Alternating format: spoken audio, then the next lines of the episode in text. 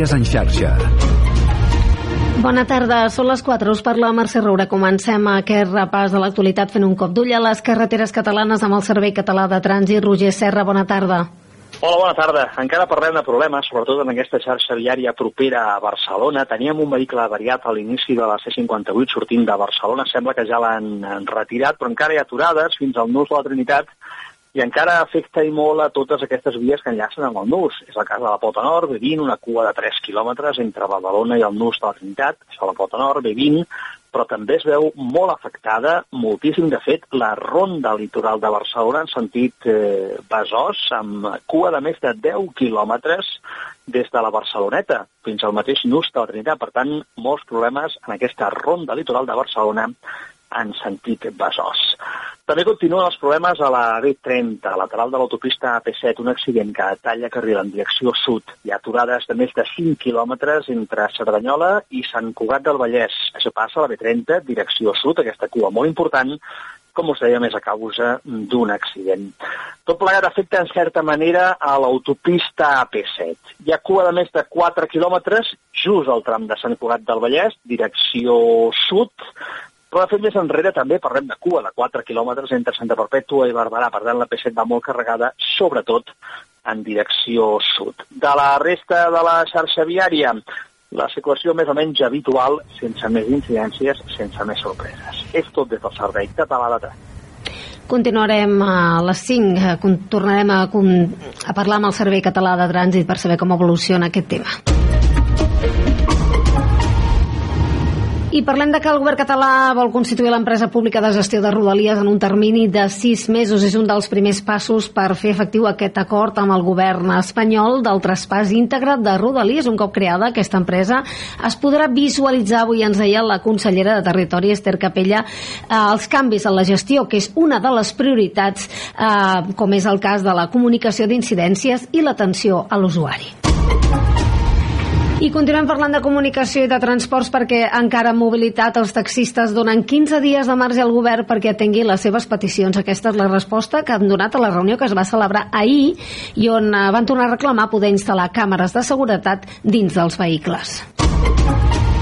I acabem amb un apunt perquè el Festival Llum BCN, que es posa en marxa avui divendres, comença la nova edició número 13 amb una proposta que preveu aplegar 200.000 persones del barri de Poblenou i els entorns de la plaça de Glòries. Notícies en xarxa.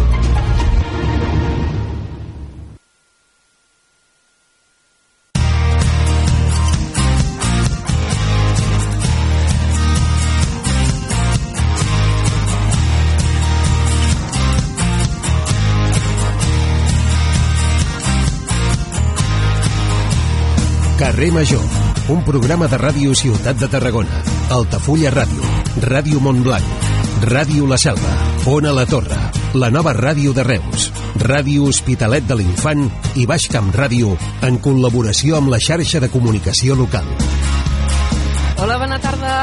Benvinguts un dia més i avui és divendres al carrer Major, el programa de les ràdios del Camp de Tarragona que us acompanyem cada jornada de 4 a 6, l'hora de la migdiada i postmigdiada i avui, mira, si sou usuaris de trens, igual us interessa aquesta notícia.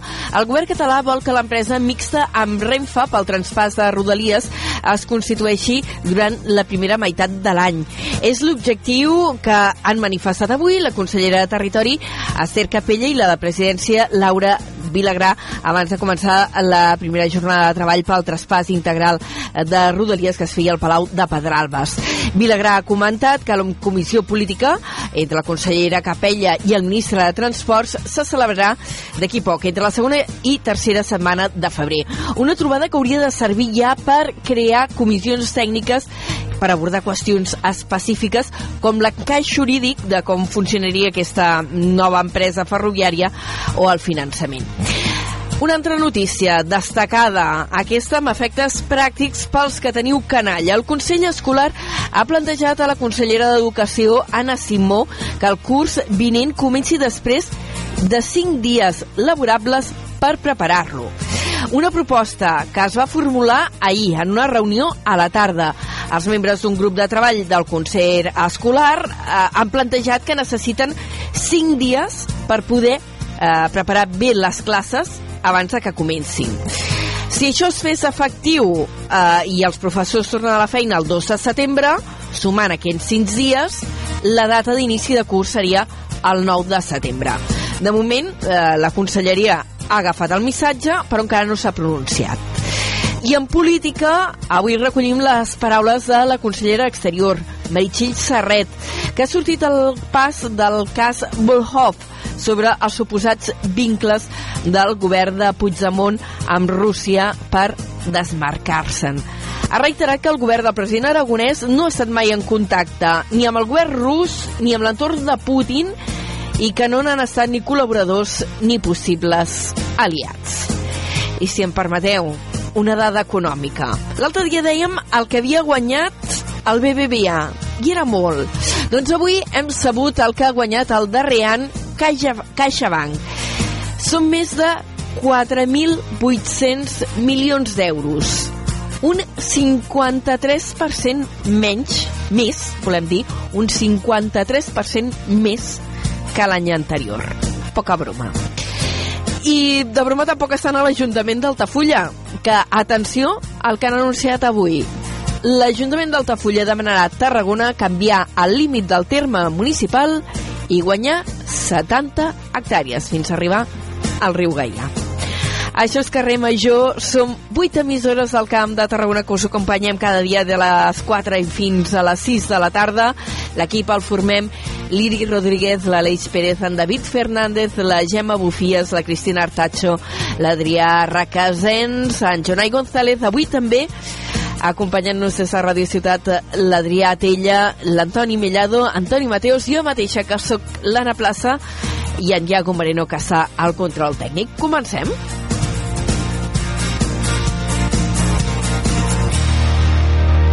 El valor del camp de Tarragona. Carrer Major.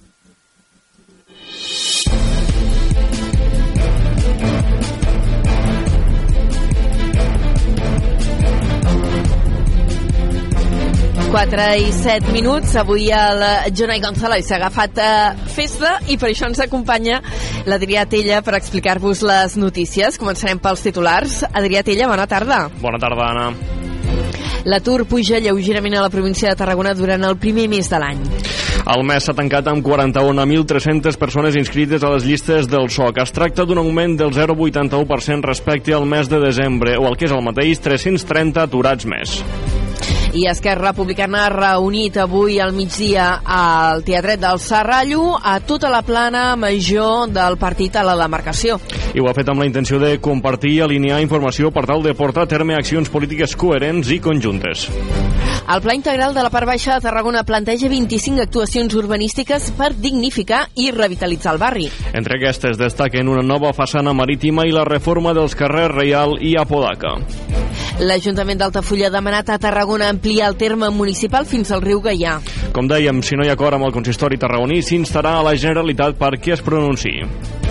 El ple de l'Ajuntament de l'Espluga de Francolí ha aprovat per unanimitat l'ordenança d'usos de l'aigua en aquesta situació de sequera. El document inclou mesures aplicables a l'abastament d'aigua per assegurar-ne el seu estalvi i també possibles sancions.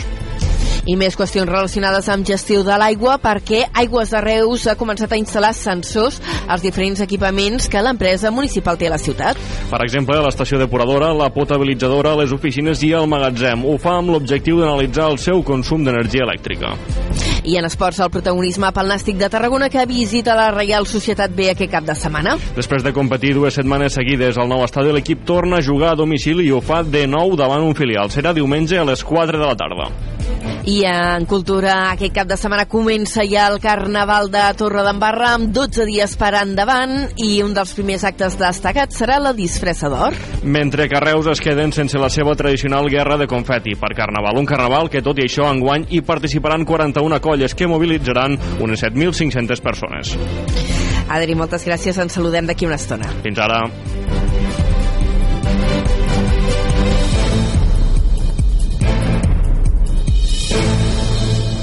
Carrer Major. Toni Mateos.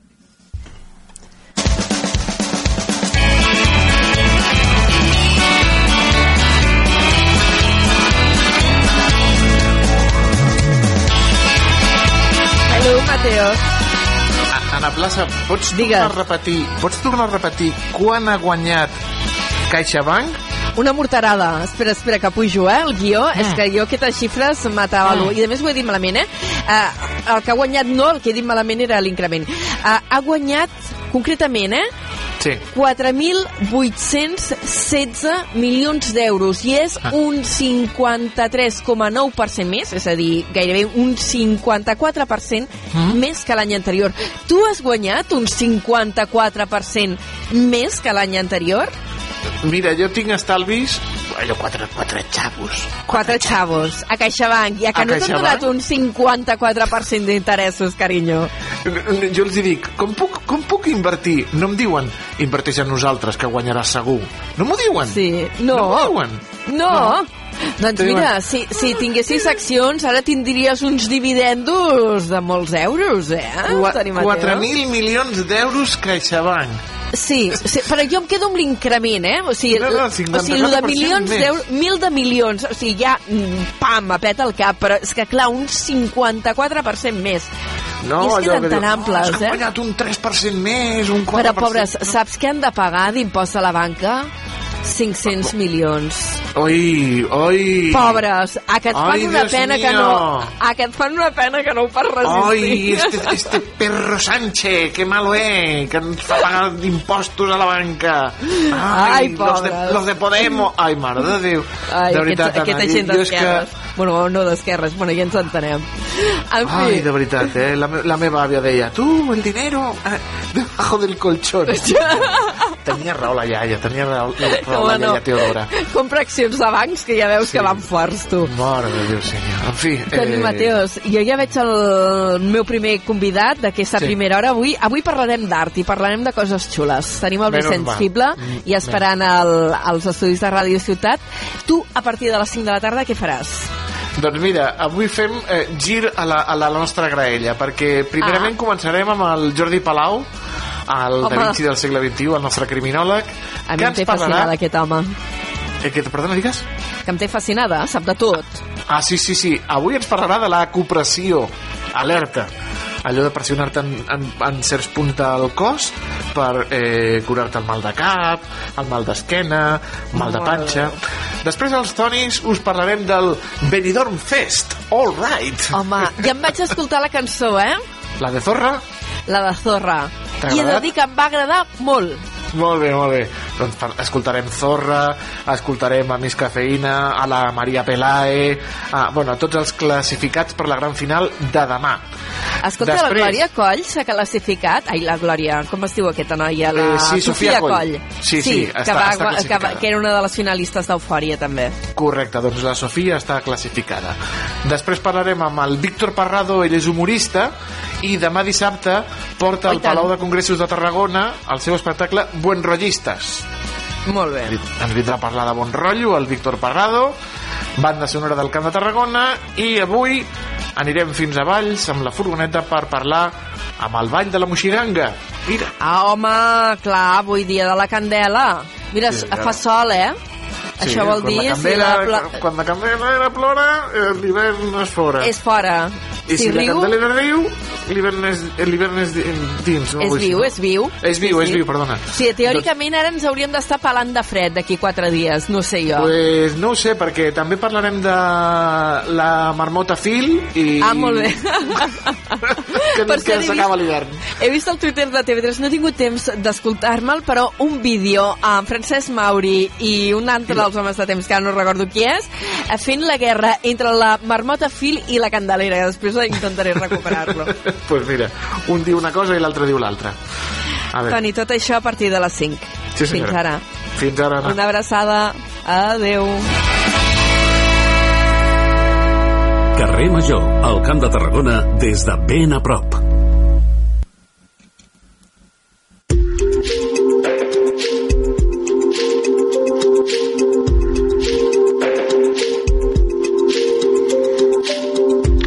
Res, falta un minutet, encara no, i serem ja un quart de cinc de la tarda i dèiem, a l'estudi de Ràdio Ciutat de Tarragona ja hi veiem el nostre convidat d'avui, en Vicenç Fibla.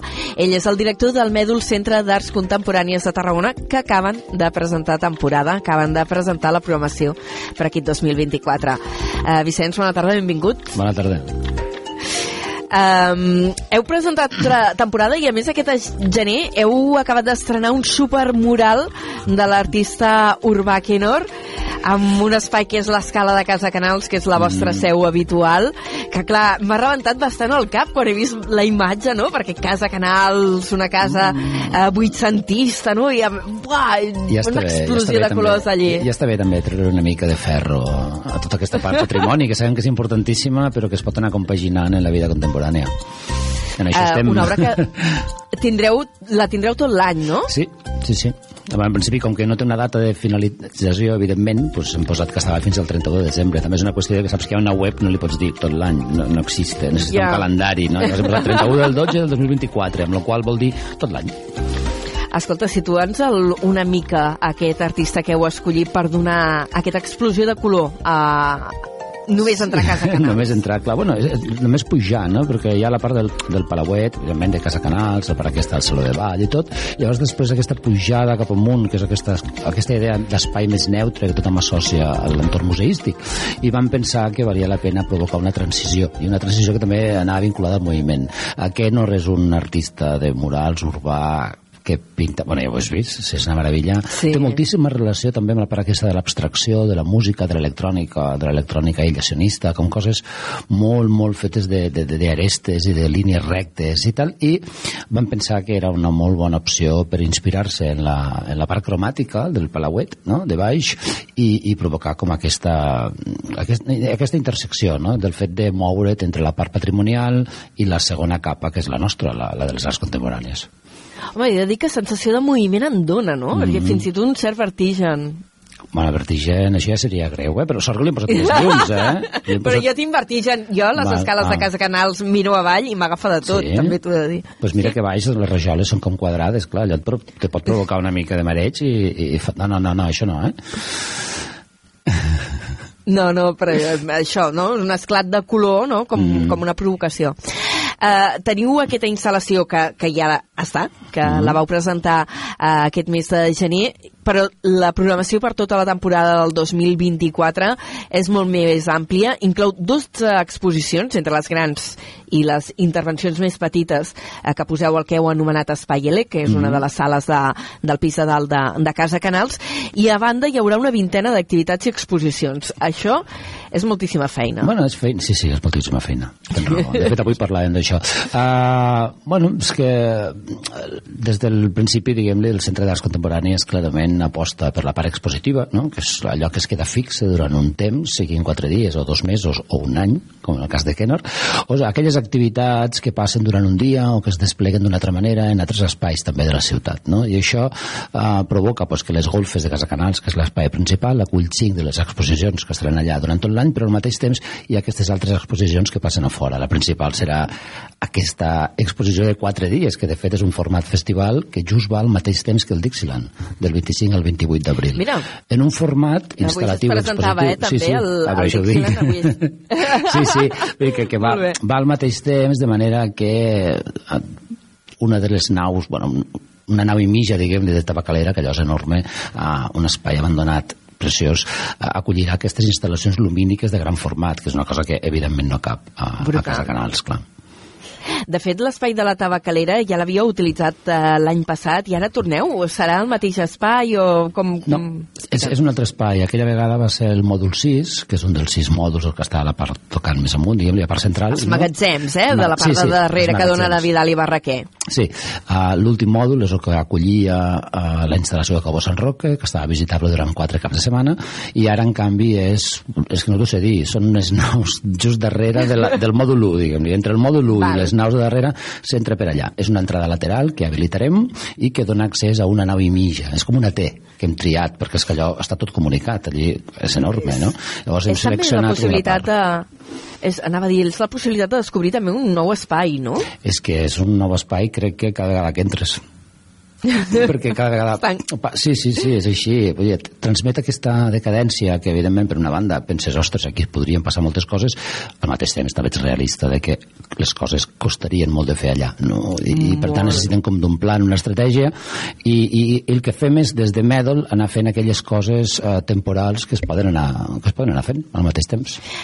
De fet, històricament a Tarragona hi havia hagut la reivindicació que, que un dels espais, una d'aquestes naus posteriors magatzems de la tabacalera, esdevingués la seu del centre d'art. el mòdul 6, precisament, que és el que van El fer, lo de, 6. lo de Cabo San Roque. Però ara, ara sí que pensàvem, bueno, bàsicament és que no hi cabien, no? Són, com, són sis instal·lacions, tres són bastant grans i necessitaven poder respirar i moure't entre, entre diversos, entre elles mateixes, no? I això demanava una, una part, una nau, diguem-li, que, que donava més joc.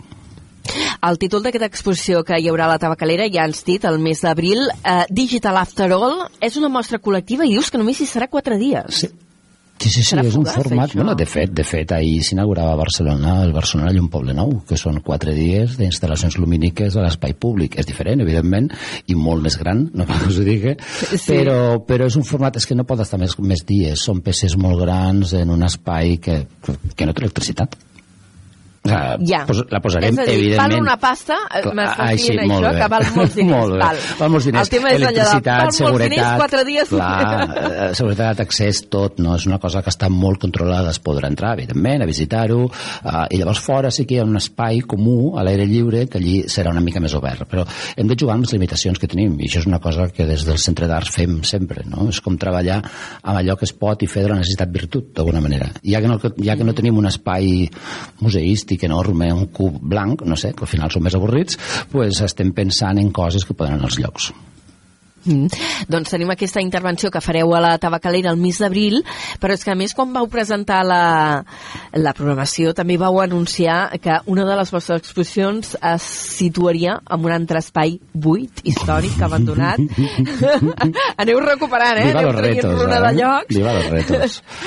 L'antic Banc d'Espanya i a la tabacalera Preciós. sí que s'hi han anat a poc a poc fent coses, però el Banc d'Espanya mm, jo no hi he entrat mai. No?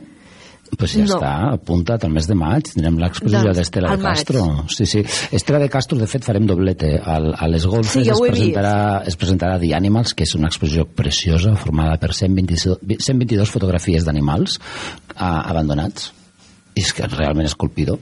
I al, al Banc d'Espanya al maig presentarem Socosis, que és un altre tipus de fotografies en blanc i negre, molt més obertes, molt més generals, que parla d'este síndrome que pateixen els animals quan estan tancats en un espai, que tots els veiem i dèiem, mira que feliç, però si pot córrer per aquí. Bueno, no ja, és que igual corria molt més encara que això, no?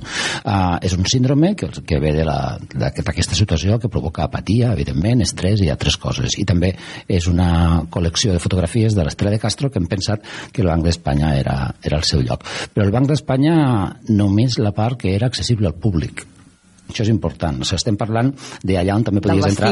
Sí, del vestíbul. És a dir, allí on, bueno, si havies d'anar a posar diners o treure diners... Hi havia no les sé. finestretes, no? Sí, sí, Entenc, sí. on Hi havia les finestretes. Pues, ah, però és molt gran, allò. I és preciós, eh, amb aquella vidriera que té a dalt i tot. Uh, I està molt castigat o què? Perquè, clar, jo porta molts anys tancat. No sé si haureu de fer molta neteja, molta intervenció. neteja o ja us sempre. va bé que hi hagi... Bueno, neteja No, una mica, no? no, Però no. Que tingui aquest aire una mica decadent. És, és similar a, a, la idea tabacalera, també, és fer servir els espais depenent de les possibilitats i limitar allò que no es pot fer. Hi ha unes parts de, del Banc d'Espanya que no es pot entrar, no es pot entrar doncs, per què? perquè estan en un procés de fer alguna cosa amb allò, hi ha forats al terra, eh, pots caure, poden passar coses, no? i per tant Dios. es delimita, no, no, es delimita i aquelles, de fet a tabacalera ja s'han fet propostes d'endança en llocs també Sí. controlats, no? Vull dir, és aquesta idea, no podem esperar a tenir espais perfectes acabats, arribaríem al 2128 i encara, i encara no estaria, no, no, no, hem d'anar pensant en el que tenim, no? I el que tenim, pensar en quin tipus de propostes funcionen allà o provocar-les, crear-les expressament. Mm. Parlem una mica d'aquest eh, artista que a més li heu programat una doble proposta i la primera és aquesta exposició Animals, que serà la primera que estrenareu en guany eh, pel que he vist al calendari a Casa Canals, eh, que estrenareu l'1 de març, d'aquí Mhm. un meset. Sí. Eh, I després hi ha aquesta altra exposició a l'Antic Bac d'Espanya. Qui és Estela de Castro? Estrella de Castro és una fotògrafa i es va fer molt coneguda, ara no et sé dir l'any exactament, però quan va ser l'encarregada de fer els retrats oficials dels reis d'Espanya. La Toma qual ja. això va provocar una persona que ve d'un altre background totalment i que quan veus l'expo ho entens, no? Uh, li van fer un encàrrec, sí, sí, que tu dius, però com és que li fa la foto a la família, amb la Letícia, tota aquesta... L'arribada de Letícia, clar, és que és un moment, no? Mare de Déu. Ah, sí, sí, sí. I, I a partir d'aquell moment, diguem evidentment, és com això provoca com un decalaix, no? Tipo, aquesta pulsió artística és compatible amb això altre? Pues sí, jo crec que sí, no? Sempre ho ha sigut. O sigui, de fet, les grans pintures... les grans pintures... És, fer, és fer per encàrrec, oi? Lògicament, lògicament, és que els diners per treballar han de sortir de llocs, no? I això em sembla que... És veritat, dir, això passa amb tot. Per tant, crec que... A veure, les fotos són molt boniques, eh? Les fotos de la fotografia real de la família són molt boniques. I aquí sí que vam pensar que volíem parlar juntament amb Cultura Verda, que és un festival en què treballem en col·laboració. Aquest any passat van fer l'exposició del, del Marc Sellarès i l'anterior van fer una col·lectiva que es deia Fisis i precisament aquesta connexió amb les qüestions ambientals i les preocupacions, algo que ara mateix està sobre la taula, no? I amb Cultura Verda volíem parlar d'animalisme ara mateix, no? I, i, i, i va aparèixer la possibilitat de tenir aquesta, aquesta exposició, que finalment són les dos, i el que hem fet ha sigut encabir la de la d'Animals al, al, a les golfes, que només estarà un mes i poc, no tenim més temps, perquè després a l'abril hi havia una altra exposició, clar. Um, per cert, ara que has esmentat el cicle Zona Verda, um, a la tardor tornareu a fer aquestes jornades. Sí, perquè uh, es desdobla la part festival, diguem-li, de la primavera, no? on passen diverses coses en diversos espais i acollim la part expositiva també i d'activitats, però llavors després al novembre hi ha sempre dos dies de cultura verda de tardor, li diem, no? tot i que la tardor ara no saps quan arriba, perquè perfectament avui podria Mira, ser tardor. per no plorar. Sí, sí, sí. No, sí. per, ric per no plorar. Però... Però- tardor, avui podria ser primavera. Segons el calendari... una calor aquest migdia. Sí, sí, i ara. Segons el calendari, el novembre es veu que ja quasi estès entre tardor i, i hivern, i, i sempre hi ha un parell de dies de jornades on es presenten treballs creats a propòsit de vídeo i alguna performance que incideixen en aquestes temàtiques, vull dir que són coses que passen a Medal, però a la sala plana, diguem en format activitat. La, la part expositiva va ara a la primavera i la part activitat va després a la tardor. A veure, um, ara eh, podríem seguir parlant de les exposicions, que si tenim temps farem alguna pinzellada més, però um, el Centre d'Art no només és un espai o un concepte expositiu, sinó hi ha tota aquesta part més, més participativa i de formació, i enguany estreneu, i això també ho, de, ho destacàveu en la presentació de la programació, una nova proposta formativa eh, que ja s'ha fet la primera sessió i l'heu eh, titulat Met Institut. Mm -hmm.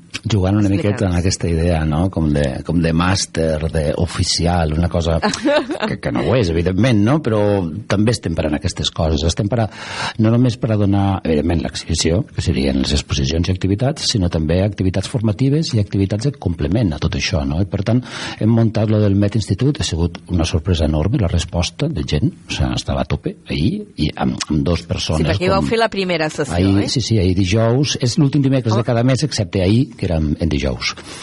I amb la Elvira, la directora del MACBA, i el Fernando Pérez, director de la Cuna Centro de Bilbao, un model d'equipament molt important, l'equipament sociocultural, que té una connexió amb l'art enorme, i, i volien que estiguessin els dos parlant, no? I re, realment va ser, va ser estupendo, dues hores parlant entre els dos allà. Uh, I ara això seguirà cada, cada, cada mes, durant tot el primer semestre, la gent s'ha anat inscrivint com un, com un màster, diguem-li, aportant la documentació, aportant les coses que fan, de manera que els ponents també poden fer un, una ullada de a què es dedica la gent que s'ha apuntat. Diguem, té aquesta part una mica bidireccional, per després provocar un moment de trobada, que va ser ahir després de la xerrada, a les 8 i quart, no? on ja directament es trenca la paret aquesta que provoca no? el ponent a un costat i tu assistent a l'altre, i, i, i, i per tant pots parlar de coses, conèixer, la idea aquesta una mica networking, que això també és una cosa important. En quin espai ho fèieu? A la sala Que plana. omplir? A la sala plana. A la mateixa Sí, sí, a casa la que nostra aneu. sala. Sí, sí, però és una cosa que perfectament podrien ser 15 persones i no passaria res. I hi havia 70 persones inscrites. O sigui que això està molt, molt Mare bé. de Déu. Molt bé. Clar, aquí esteu parlant ja no només d'art en general, no? Sinó esteu parlant de gestió cultural. És que també és una altra important. Cosa... Sí, sí, l'art no és només la pràctica artística, no? sinó que també és la gestió d'aquestes pràctiques. I per tant, crec que és important, per exemple, la, l'últim, la segona data serà amb, amb Ricard Planas, que és el director de la Fundació Lluís Coromines. No? I és una fundació que, evidentment, com a fundació tenen un interès per l'art de nome, una col·lecció, compren, produeixen coses i també és director de la revista Bonart. I estirà en conversa amb Alexandra Laudo, que és una comissària. No? És a dir, hi ha com maneres diferents d'apropar-se al que són les pràctiques artístiques ara mateix. Com a artista tu pots estudiar, pots formar-te, pots anar a l'escola d'art, per exemple, que és perfecte, però després això t'explica què passa ahí fora d'alguna manera, no? O sigui, què passa fora de les escoles o com se mouen les coses. Bueno, i altres ventalls també de, de possibilitats d'ocupació, i aquest és l'altre, no? Perquè quanta gent ha estudiat art o, o belles arts i s'acaba dedicant potser fa producció artística, però també Sí, és que si tothom que estudies... D'alguna manera, si tothom que estudies Belles Arts o tothom que tingués interès en fer art es dediqués a això, seria impossible, estaria ple. Jo vaig estudiar Belles Arts, però, no sé, però evidentment... Me puc tro... Sí, sí, sí, em dedico a la gestió cultural des de fa temps i totes les connexions de l'art, les arts visuals, la música, el so, les arts digitals, no sé, no em sembla que són coses que vas trobant pel camí. Escolta, nous llenguatges, arts musicals, no sé què. Mm, Teniu una residència a TikTok que a mi és una cosa que em rebenta bastant. Trobo ets l'única, no ets l'única. I, I enguany aneu per la tercera edició. Explica, Sí. perquè No, ho he vist una mica des de la barrera, això. No sé enguany, ho és- enguany va haver la segona edició de convocatòria i ara veurem els artistes, que seran ara a partir del 14 de febrer. Hi ha tres artistes seleccionats i aquest any, a final d'any, sortirà la tercera convocatòria els artistes es veuran al principi de l'any següent, per dir-ho així. Mm. El que fem és molt senzill, és pensar que tens un espai a TikTok que és una sala, no? i que no té clau, que no té parets, que no hi ha, que no hi ha gent que d'obrir la porta, que no hi ha ningú que dona les llums. No? Llavors l'artista resideix entre cometes, no? a dins durant 10 dies, amb un treball, evidentment, que s'ha presentat i s'ha passat per un procés de selecció, i tenen disposició de la clau a totes hores, no es tanca no es tanca, sempre està obert, tu pots entrar quan vulguis, no és com un equipament que vas i dius, "Eh, és que tancat a les 8, o aquells que tanquen a les 6 de la tarda, que, que és incomprensible. Uh, no, no, allí hi ha uns artistes i a més a més portant tota aquesta part d'un format que et permet interactuar en la gent, no? que et permet que la gent te pot dir coses i tu ho pots, ho pots treballar. L'any passat, per exemple, vam descobrir un artista, l'Andrea Badia, que ara estarà a l'expo aquesta de Digital After All, també, perquè és que, és que és una meravella. I, I ella estava treballant sobre, en aquell moment, el, la, el lema, diguem-li, era a partir de la, de la vida habitual i de la digitalització, i llavors la gent li feia comentaris sobre coses de, ostres, i com podries treballar en això? Oh, I al cap d'uns dies estava treballant d'allò. O sigui, això és una cosa que no et permet una sala d'exposicions, per descomptat, no? una sala d'exposicions estàndard. Per tant, és com traure el màxim profit possible d'un format que te dona unes coses, no és només una pantalla. Per TikTok, en el fons, és un, pots posar un vídeo, per dir-ho així, no? Sí. Si no pots interactuar, pots fer coses, la gent te pot, te pot re tiktokejar, no? I és molt interessant. Compartir-ho, Sí, sí. sí, sí. no? Fer circular... I ara hi haurà tres artistes que arranquen, arranquen el 14 de febrer, està 10 dies, l'Antolí Múrcia, després 10 dies més, després Són 10 dies artistes d'aquí, del territori, o la convocatòria és oberta en general? L'any passat sí que vam intentar tancar-ho, a la- o tancar-ho, o sigui, intentar centrar-nos a la part Tarragona, vam veure que no tenia sentit. Si estem parlant d'un equipament que no té portes, ni té claus, ni té parets, no tenia sentit que només fos Tarragona província. De fet, va haver un artista de Tarragona i una de Catalunya. I ara hi ha una artista catalana, un artista de Múrcia i unes, i unes noies que són de Madrid. I perfectament poden coexistir tots els nivells. I el tipus de propostes que fan, quin és? Perquè, clar, també per poder-ho transmetre així a mitjà digital, no? Quin, en quins gèneres o en quines disciplines treballen? Ah, doncs Perquè, clar, una de les gràcies visuals. de l'art con- l'art Ah. contemporani és mm, tot lliure, no? Sí, sí, però a- Tenim aquí has de- 50.000 possibilitats que Però aquí explorem. has de, has de tenir en compte que aquí les propostes són directament pensades per allí. És a dir, s'estan creant allí dins. No és que representes una cosa que està passant a fora ni que ho filmes i ho poses. No, no, és que estan allí dins. Per tant, és virtual, en el sentit de que no existeix, no? Pot ser interactiu o no, això depèn de cadascú. Uh, pot tenir, evidentment, pot tenir un component d'interacció, lògicament, que està, que està allà, que està present, no? Per tant, el projecte està passant allí dins. Com que també depèn del tema, aquest any el tema era de l'Ulus de Solulu, que és aquesta idea de situar-te en un espai i crear situacions inesperades, no? Que és una cosa molt TikTok, que al mateix temps, Sí. i el seu treball, que es presenta durant 10 dies, gira al voltant d'aquest tema. O sigui, hem d'estar a TikTok per poder-lo seguir, no? Sí, no, no hi ha remei. Bàsicament. Mira, m'hauré de modernitzar perquè ja... Si no arribo a, amb tantes xarxes socials, dic... mm, No, a TikTok encara no... no Però ho pots considerar com una cosa que, per a veure una cosa concreta i després mm, ja t'oblides, eh? Vull dir, igualment que quan vas a un teatre vas només un dia, no vas cada dia. Uh, per què vau triar TikTok i no, per exemple, Instagram, que també potser hagués sigut un altre canal que us hagués donat joc? Perquè TikTok en aquell moment, ai, perquè Instagram en aquell moment no tenia aquestes prestacions de TikTok. Ara sí, perquè ja, Ja. saps que tot se copia. Però sí. aquesta idea més ràpida, que és veritat que TikTok... Més d'interacció, potser, també? Més interacció a la força, perquè TikTok està construït sobre això i també té un poder l'algoritme que allò és brutal, eh? també hi ha un moment que és que està desconnectat la força, perquè és que no para de suggerir-te coses que ja sap per tu està decidint per tu, això és molt fort. Ja, ja, però això és quan a suggerències, diguem-ne, no? Però l'altre és quan a treball, o sigui, a Instagram, ara, evidentment, i els Reels, hi ha, hi ha moltes més coses que estan allà, però no hi havia en aquell moment aquesta, aquesta funció. I l'altre és perquè el públic al qual anava destinat i els artistes joves en qui volíem treballar estaven allí. Estaven allí o era molt més probable que estiguessin allí. Es tracta de gent jove, aquests uh, tiktokers que tindreu un guany en residència? El que, perdona? Si són gent jove, aquests tres artistes que heu És que, és seleccionat. que, és que no, no, sí. Bueno, és que, és que és per defecte, diria jo. per de, sí, sí, per defecte, clar. És que estem parlant de gent que té entre 20 i 24 anys, o 25. Ma.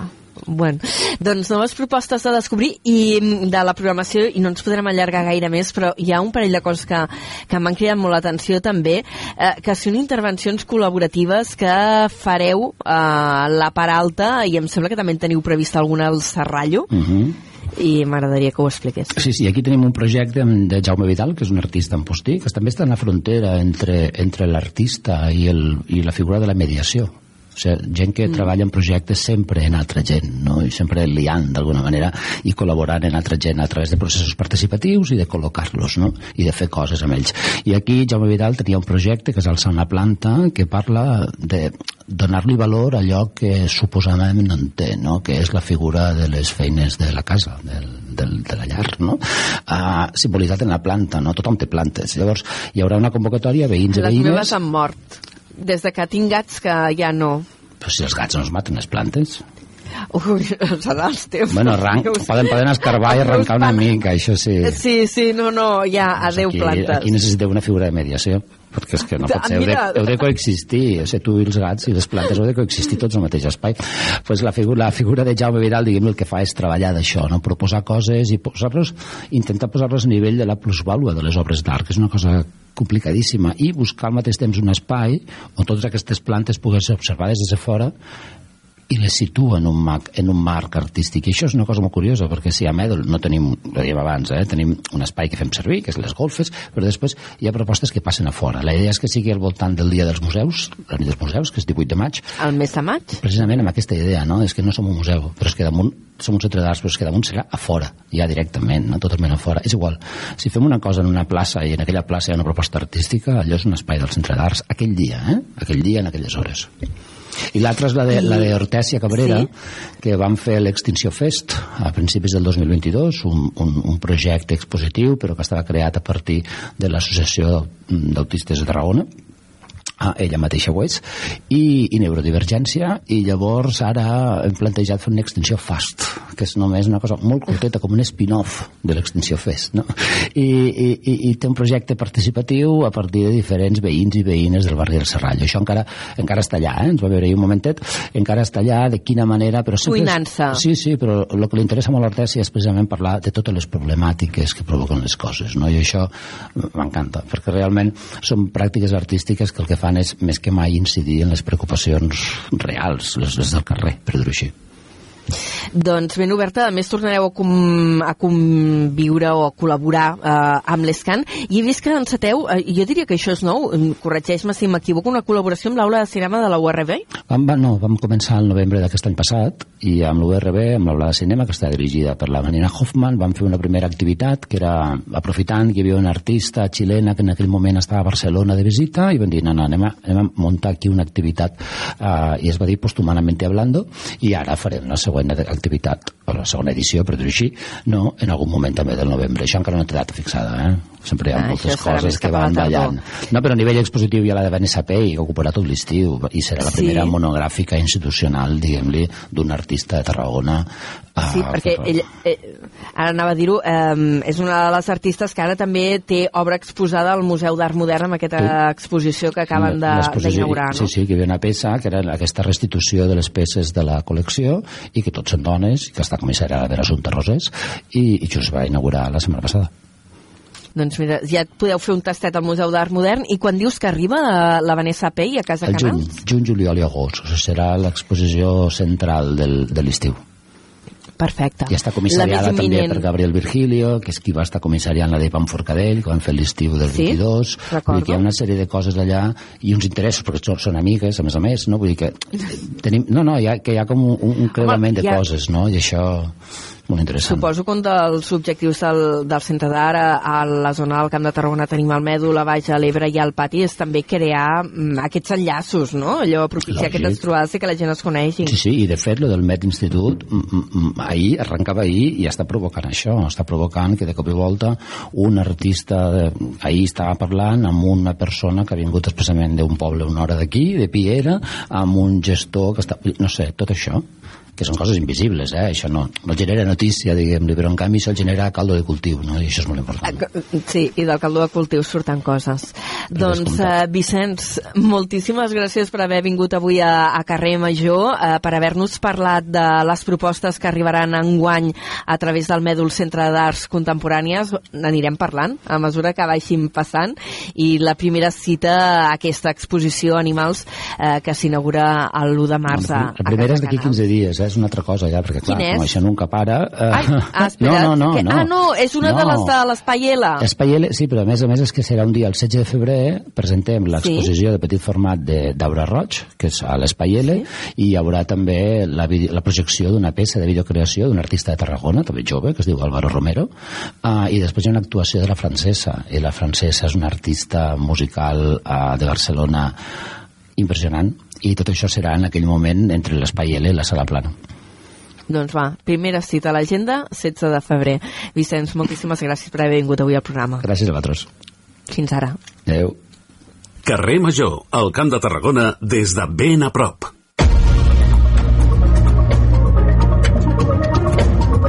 4 i 41 minuts, avui amb l'informatiu molt carregat de notícies, que intentarem a veure si caben totes. La repassarem amb l'Adrià Tella. Adrià, bona tarda de nou.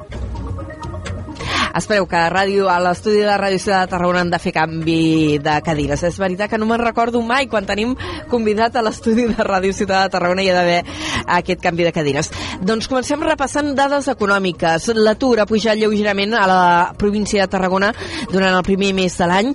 El mes s'ha tancat amb 41.300 persones inscrites a les llistes del SOC.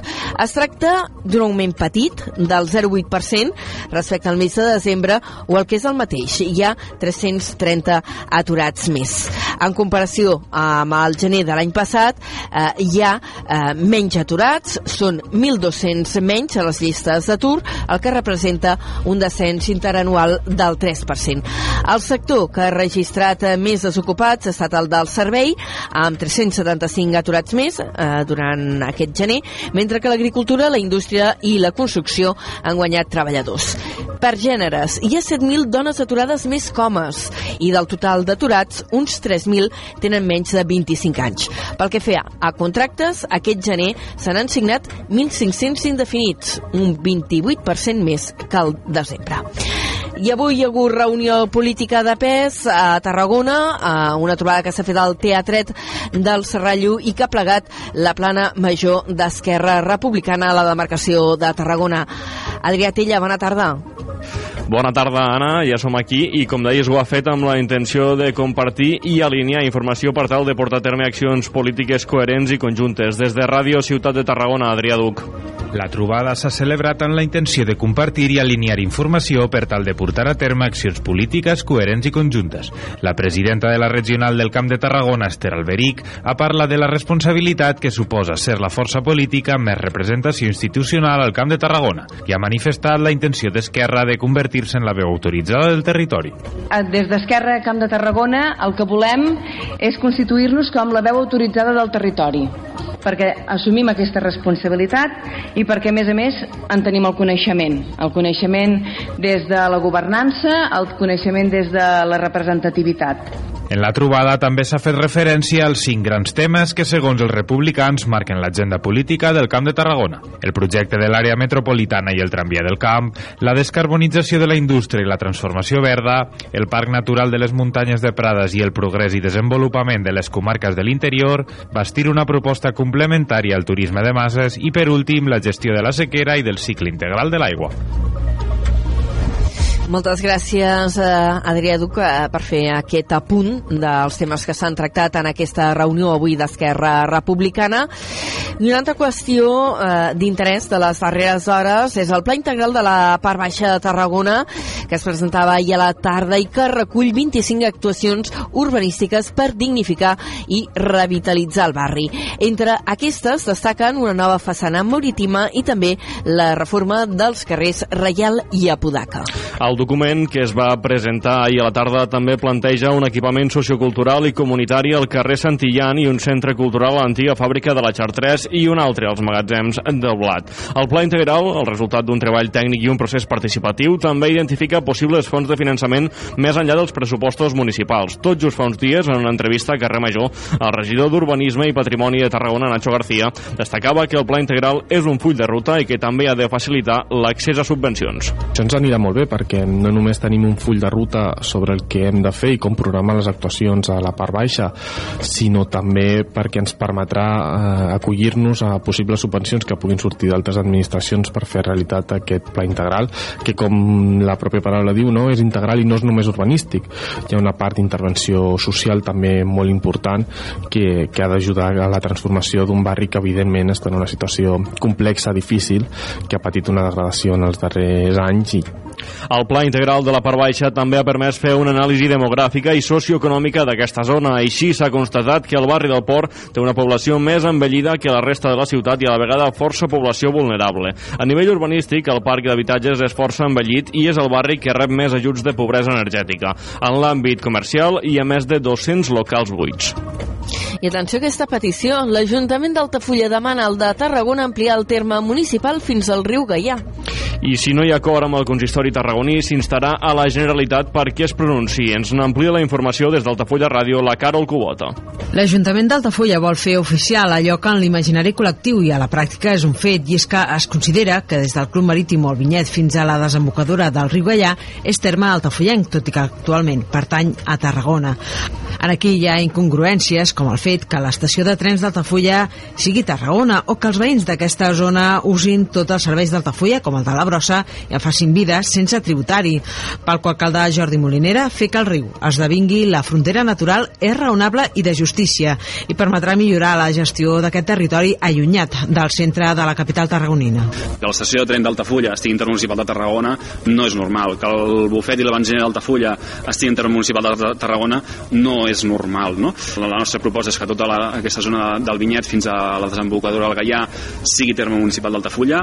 A ulls de la gent així ho és i Altafulla ha demostrat eh, els darrers anys eh, que té una implicació important en la gestió d'aquest territori.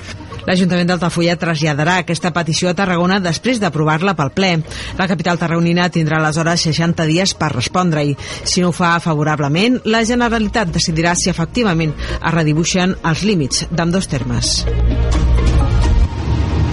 4 i 47 minuts, entrem en crònica local eh, i parlem de gestió d'aigua perquè el ple de l'Ajuntament de l'Espluga de Francolí ha aprovat per unanimitat l'ordenança d'usos de l'aigua en situació de sequera. El document inclou mesures aplicables a l'abastament d'aigua per assegurar-ne l'estalvi. L'ordenança permet establir limitacions particulars, ja sigui regulant o prohibint l'ús de l'aigua en diferents contextos. També permet reduir percentualment el consum d'aigua, limitar les dotacions d'aigua per usos domèstics i no domèstics domèstics, reduir la pressió de la xarxa d'abastament en situacions temporals i també fer talls durant l'estat d'emergència. El document també inclou sancions d'entre 750 i 3.000 euros quan es cometin infraccions que vulneren les mesures i limitacions aplicades. D'altra banda, el consistori afirma que continua treballant per rebaixar la dependència dels camions cisterna a través de la connexió de nous pous, a més de la connexió del CAT, les obres dels quals es preveuen que comencin aquest mes de febrer. I Aigües de Reus, per la seva banda, ha començat a instal·lar sensors als diferents equipaments que l'empresa municipal té a la ciutat, com l'estació depuradora, la potabilitzadora, les oficines i el magatzem. Ho fa amb l'objectiu d'analitzar el seu consum d'energia elèctrica. La recollida d'aquestes dades permetrà localitzar i identificar amb precisió les àrees i els moments en què s'utilitza més energia amb l'objectiu final d'introduir millores en la gestió, l'eficiència i l'estalvi. Des d'Aigües de Reus han apuntat que aquest canvi afavorirà la transició cap a un nou model energètic i millorant l'eficiència, els costos relacionats amb l'energia i també l'emissió de gasos d'efecte hivernacle. El Port de Tarragona ha instal·lat dos nous equips fixos per netejar l'aigua superficial, que s'anomenen skimmers. Aquests equips s'han instal·lat a la dàrsena del moll de costa i tenen 3 metres d'ample, un i mig de llargada i dos d'alçada. Aquestes dimensions doten el sistema d'un dipòsit de recollida de residus de 300 litres de capacitat i de la suficiència de bombar 30.000 litres d'aigua per hora. La gestió d'ambdós aparells anirà a càrrec del personal de la Marina Port Tarracó, que rebrà una formació específica per part del fabricant dels equips. La comissaria dels Mossos d'Esquadra de Torre d'Embarra s'inaugurarà previsiblement entre els mesos de març i abril. D'aquesta manera es compliran amb els terminis previstos pel Departament d'Interior que situava la posada en marxa de la caserna en el primer semestre d'aquest 2024. Des d'Ona la Torre, Josep Sánchez. L'alcalde de Torredembarra, Eduard Rovira, ha explicat que s'està acabant de concretar amb interior la data per la inauguració. No ha volgut avançar un dia concret en espera de que ho facin des del govern català, segons la disponibilitat del conseller Joan Ignasi Helena. Amb tot, sí que ha assegurat que serà entre els mesos de març i abril. De fet, ja està concretat, però no vull adelantar la data perquè sempre estem a disposició de que el conseller que vol venir a inaugurar-la pugui canviar-la. Però en principi, quan se faci oficial ja l'anunciarem, que hi ha una data per fer una inauguració. Les obres ja es troben en la seva recta final. De fet, s'ha recuperat el petit retard que s'havia acumulat amb els problemes que van sorgir a l'inici de l'obra amb el nivell freàtic. La caserna cobrirà tota l'àrea del Baix Gallà i comptarà aproximadament amb una cinquantena d'agents. Situem-nos ara a Reus, on el Centre Social del Roser ha donat menjar a més de 2.400 persones al llarg del primer any de funcionament, el 2023. Aquest servei municipal ha tancat el seu segon any de funcionament prescrivint més de 57.000 àpats. Des de la nova ràdio de Reus, David Fernández. De les 2.433 persones que s'han beneficiat del servei d'alimentació del Centre Social al Roser de Reus al llarg de 2023, unes 1.900 van ser prescrites al rebost social i prop de 530 en alguna de les modalitats del menjador social, ja sigui presencial, a domicili o per emportar-se el menjar a casa amb Carmanyola. A banda, el Centre Social al Roser també també atén aquelles persones que Serveis Socials considera que necessiten ajuda alimentària. En aquest cas, les persones beneficiàries escullen aliments frescos i envasats en base a un sistema de punts gestionat per Serveis Socials. En total, al llarg de 2023, a Reus, un total de 6.100 persones van rebre ajuda alimentària.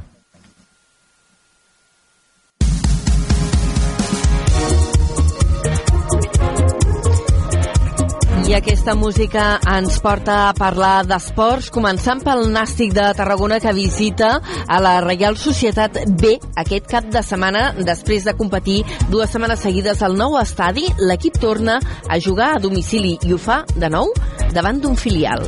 En la darrera sortida va superar el del Celta i ara afronta un altre repte molt exigent davant un equip que després d'estar gairebé tota la temporada en play-off viu el seu pitjor moment encadenant sis jornades consecutives sense vèncer. Són les mateixes que acumula el Nàstic sense conèixer la derrota, 5 victòries i un empat. Tot i això, Dani Vidal, tècnic dels Grana, té molt clar que serà un partit molt complicat. La Real és un filial capaç d'adaptar-se a molts registres i ser sempre competitiu. Es capaz de jugar a diferentes registros de fútbol, es capaz de, de realizar un ataque combinativo y someterte, es capaz de con un pase el portero buscarte la profundidad que los delanteros constantemente están pendientes de, de buscar esa profundidad y de sprintar, es capaz de, de defender y tener oficio de hacer faltas en campo contrario cuando lo tienen que hacer y eso al final habla de, de un trabajo muy bueno de, de, cantera, de muchos años, están sacando jugadores para el primer equipo y nos exigirá nuestra mejor versión para, para, para afrontar el partido.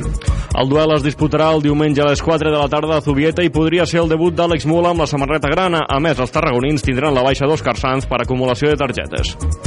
I el Club Bàsquet Tarragona va patir un cop molt dur en els darrers instants al derbi a Salou i ara eh, vol deixar enrere el gust amar d'aquesta derrota amb un triomf a casa. L'equip torna al Serrallo on s'ha fet fort les darreres setmanes per rebre el Gran Canària. Els de Jorge Serra encadenen quatre triomfs consecutius a casa i intentaran que aquesta dinàmica s'allargui, però no serà gens fàcil.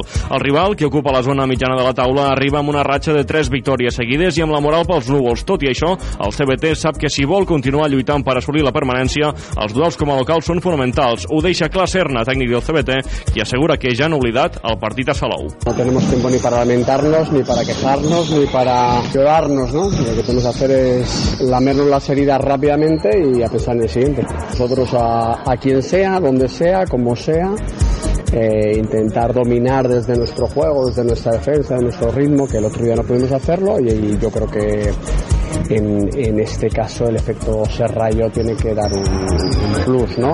¿no? No por el Serrallo, sino nosotros jugando en casa, nosotros jugando en casa con nuestra gente, en nuestro ambiente, pues tenemos que un poquito volver a nuestra esencia. El duel es jugarà aquest mateix dissabte a partir de les 7 de la tarda al pavelló del Serrallo.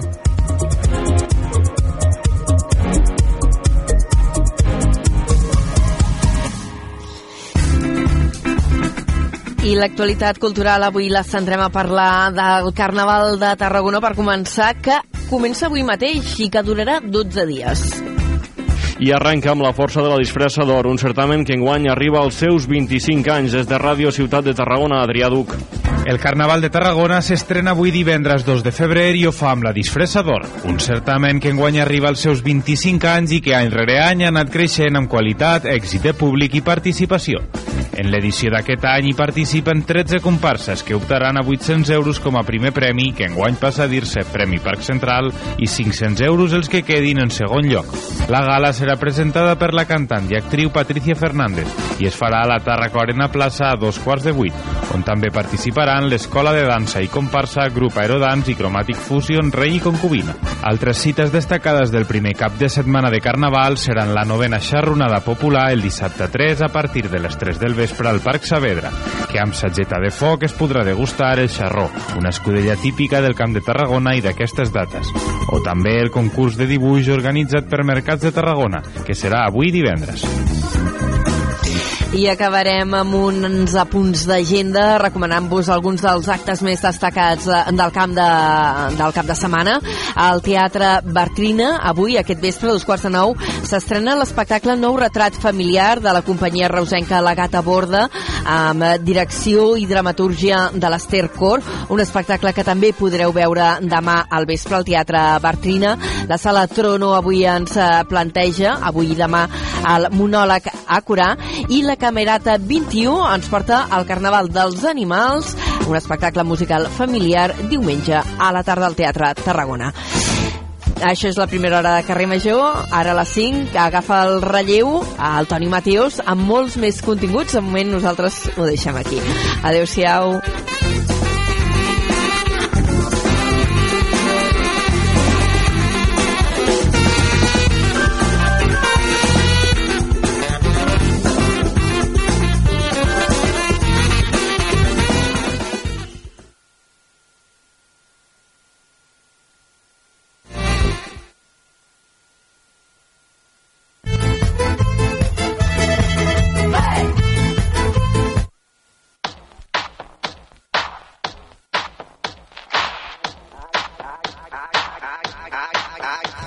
I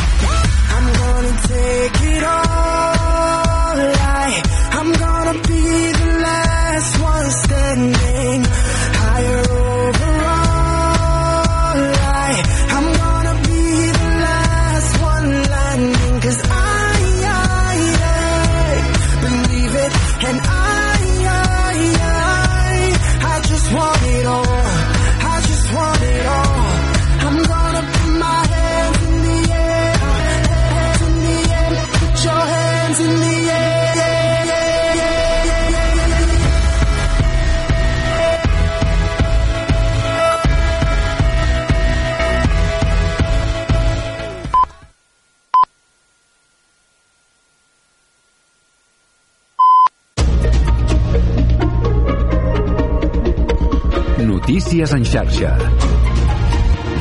Bona tarda, són les 5. Us... Perdó, bona tarda, són les 5, us parla Mercè Roura. Uh, comencem, fem un cop d'ull a les carreteres amb el Servei Català de Trànsit. Parlem amb el Roger Serra, bona tarda. Hola, bona tarda. Encara parlem d'alguns problemes en aquesta xarxa viària, autopista AP7, aquest accident a Cerdanyola del Vallès. Només hi ha un carril obert en sentit nord, cua de 6 quilòmetres entre Sant Cugat del Vallès i Cerdanyola del Vallès. Això passa al tram central de l'autopista AP7, com us dèiem, en sentit nord, i és a causa d'un accident.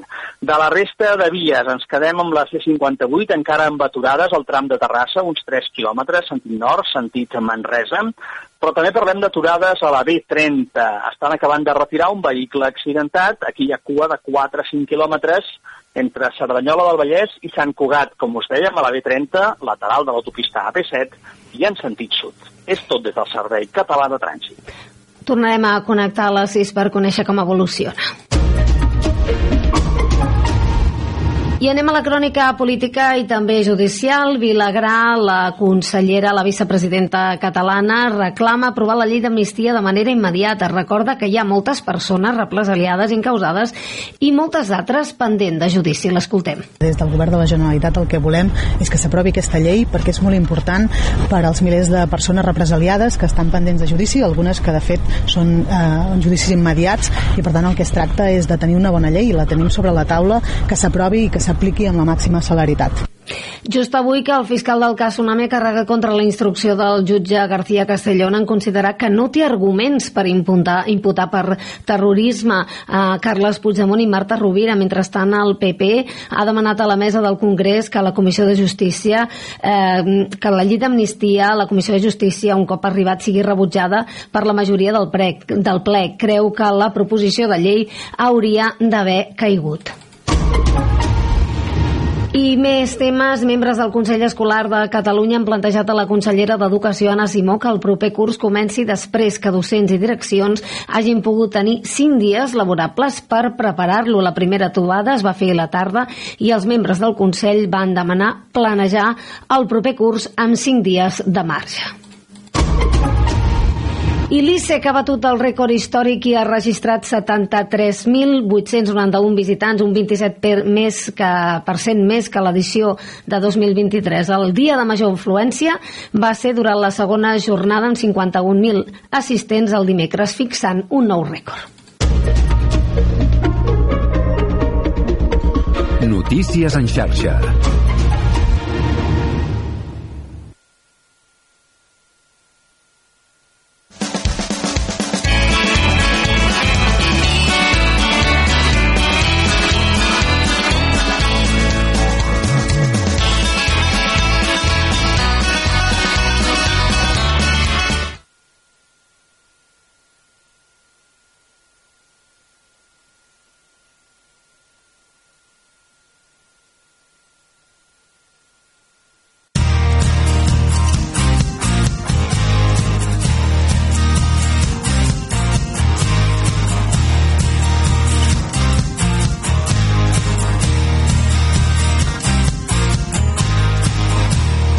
Carrer Major, Toni Mateos i Aleix Pérez. Hola, què tal? Avui, avui les coses és divendres i els ordinadors també estan de divendres. Aquest divendres, 2 de febrer, se celebra el Dia de la Marmota, conegut als Estats Units com el Groundhound Day, on molts han seguit aquesta tradició molt típica americana i no han perdut de vista a la cèlebre marmota Phil, que avui ha sortit del seu cau al poble de Punxsutawney, a Pensilvània, per una vegada més pronosticar quan serà el final de l'hivern. Un esdeveniment especial en el qual el nostre estimat rossegador ha vaticinat una primavera avançada. Home, estic amb mànigues de camisa, fil, per això no calia tanta parafernàlia ni fer-te aixecar de, del, del teu cau. Segons aquest vell costum, impulsada sobretot en els anys 90 i gràcies a la pel·lícula del Bill Murray amb el mateix nom, El dia de la marmota, si el 2 de febrer, en despertar de la hibernació i sortir del cau, la marmota Phil veu la seva ombra, significa que hi haurà 6 setmanes més d'hivern. Per contra, si no veu la seva ombra, la primavera arribaria abans del que es preveu. I avui no l'ha vist.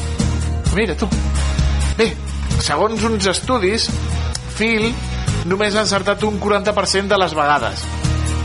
Però si mirem el panorama polític i social, no els dona la sensació de que vivim en un constant dia de la marmota? Catalanes, catalanes. Aleix Pérez, de la nova ràdio, quin costum estrany t'ha cridat a tu l'atenció? Bona tarda, Toni Mateus, de Ràdio La Selva. Um, Ah, sí, sí, de, de Ràdio La Selva, sí, sí. Sí, no? Sí. Ràdio La Selva. No, encara, de moment encara continues a Ràdio La Selva. De moment, de moment. No ha canviat, no? No ha canviat. No és...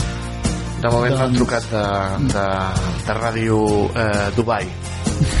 Home, a Ràdio Dubai malament, a veure, malament no deus cobrar Ràdio Dubai. Ara bé, has de ser un home, crec que... Per la ha trucada. un- Clar, crec que els drets humans, els drets humans no els treballen massa a Dubai. Eh, amb un sac de diners. Parlant de, sí, parlant de vulneracions de drets també, jo recordo molt la tradició que hi ha del pulpo pol que va haver durant el Mundial de, de Sud-àfrica. Bueno, allò no era una tradició, allò era una tonteria, home, no era una tradició. Doncs, Tradició amb- és llançar una cabra des del campanar i aquestes coses. No, a veure, de tradició així estranya. Recordo una vegada una, una bona amiga em va explicar que al seu poble feien com una botifarrada, però de, potser com una, una barbaritat de botifarra rotllo de quilòmetres de longitud que, i després se la, se la menjaven. Que dius, home, vols dir que tal, aquí, el dia, l'únic dia a l'any aquell munten com una botifarra de, de, de, de, dic, de, de, de centenars de metres. Eh? Fantàstic, veus? Això és una bona tradició. Això és una bona tradició. Nosaltres intentem cada dia portar diferents continguts al programa per no, perquè la ràdio no sigui el dia de la marmota constant, ja ho saben. Eh, per fer les seves tardes de ràdio més entretingudes possibles, des de Ràdio Hospitalet de l'Infant, la nova ràdio de Reus, Ràdio La Selva del Camp, Ràdio Montblanc, Baix Camp Ràdio, Altafulla Ràdio, Ola la Torre i Ràdio Ciutat de Tarragona en col·laboració amb la xarxa de comunicació local. En Diego Moreno és el nostre tècnic, eh, però cada dia innova i fa coses noves. Avui ens ha ficat músiques diferents. I un servidor, Antoni Mateos, que els acompanya ben enganxats a la ràdio. Aquí cada dia és diferent. Aquí cada dia és festa al carrer Major.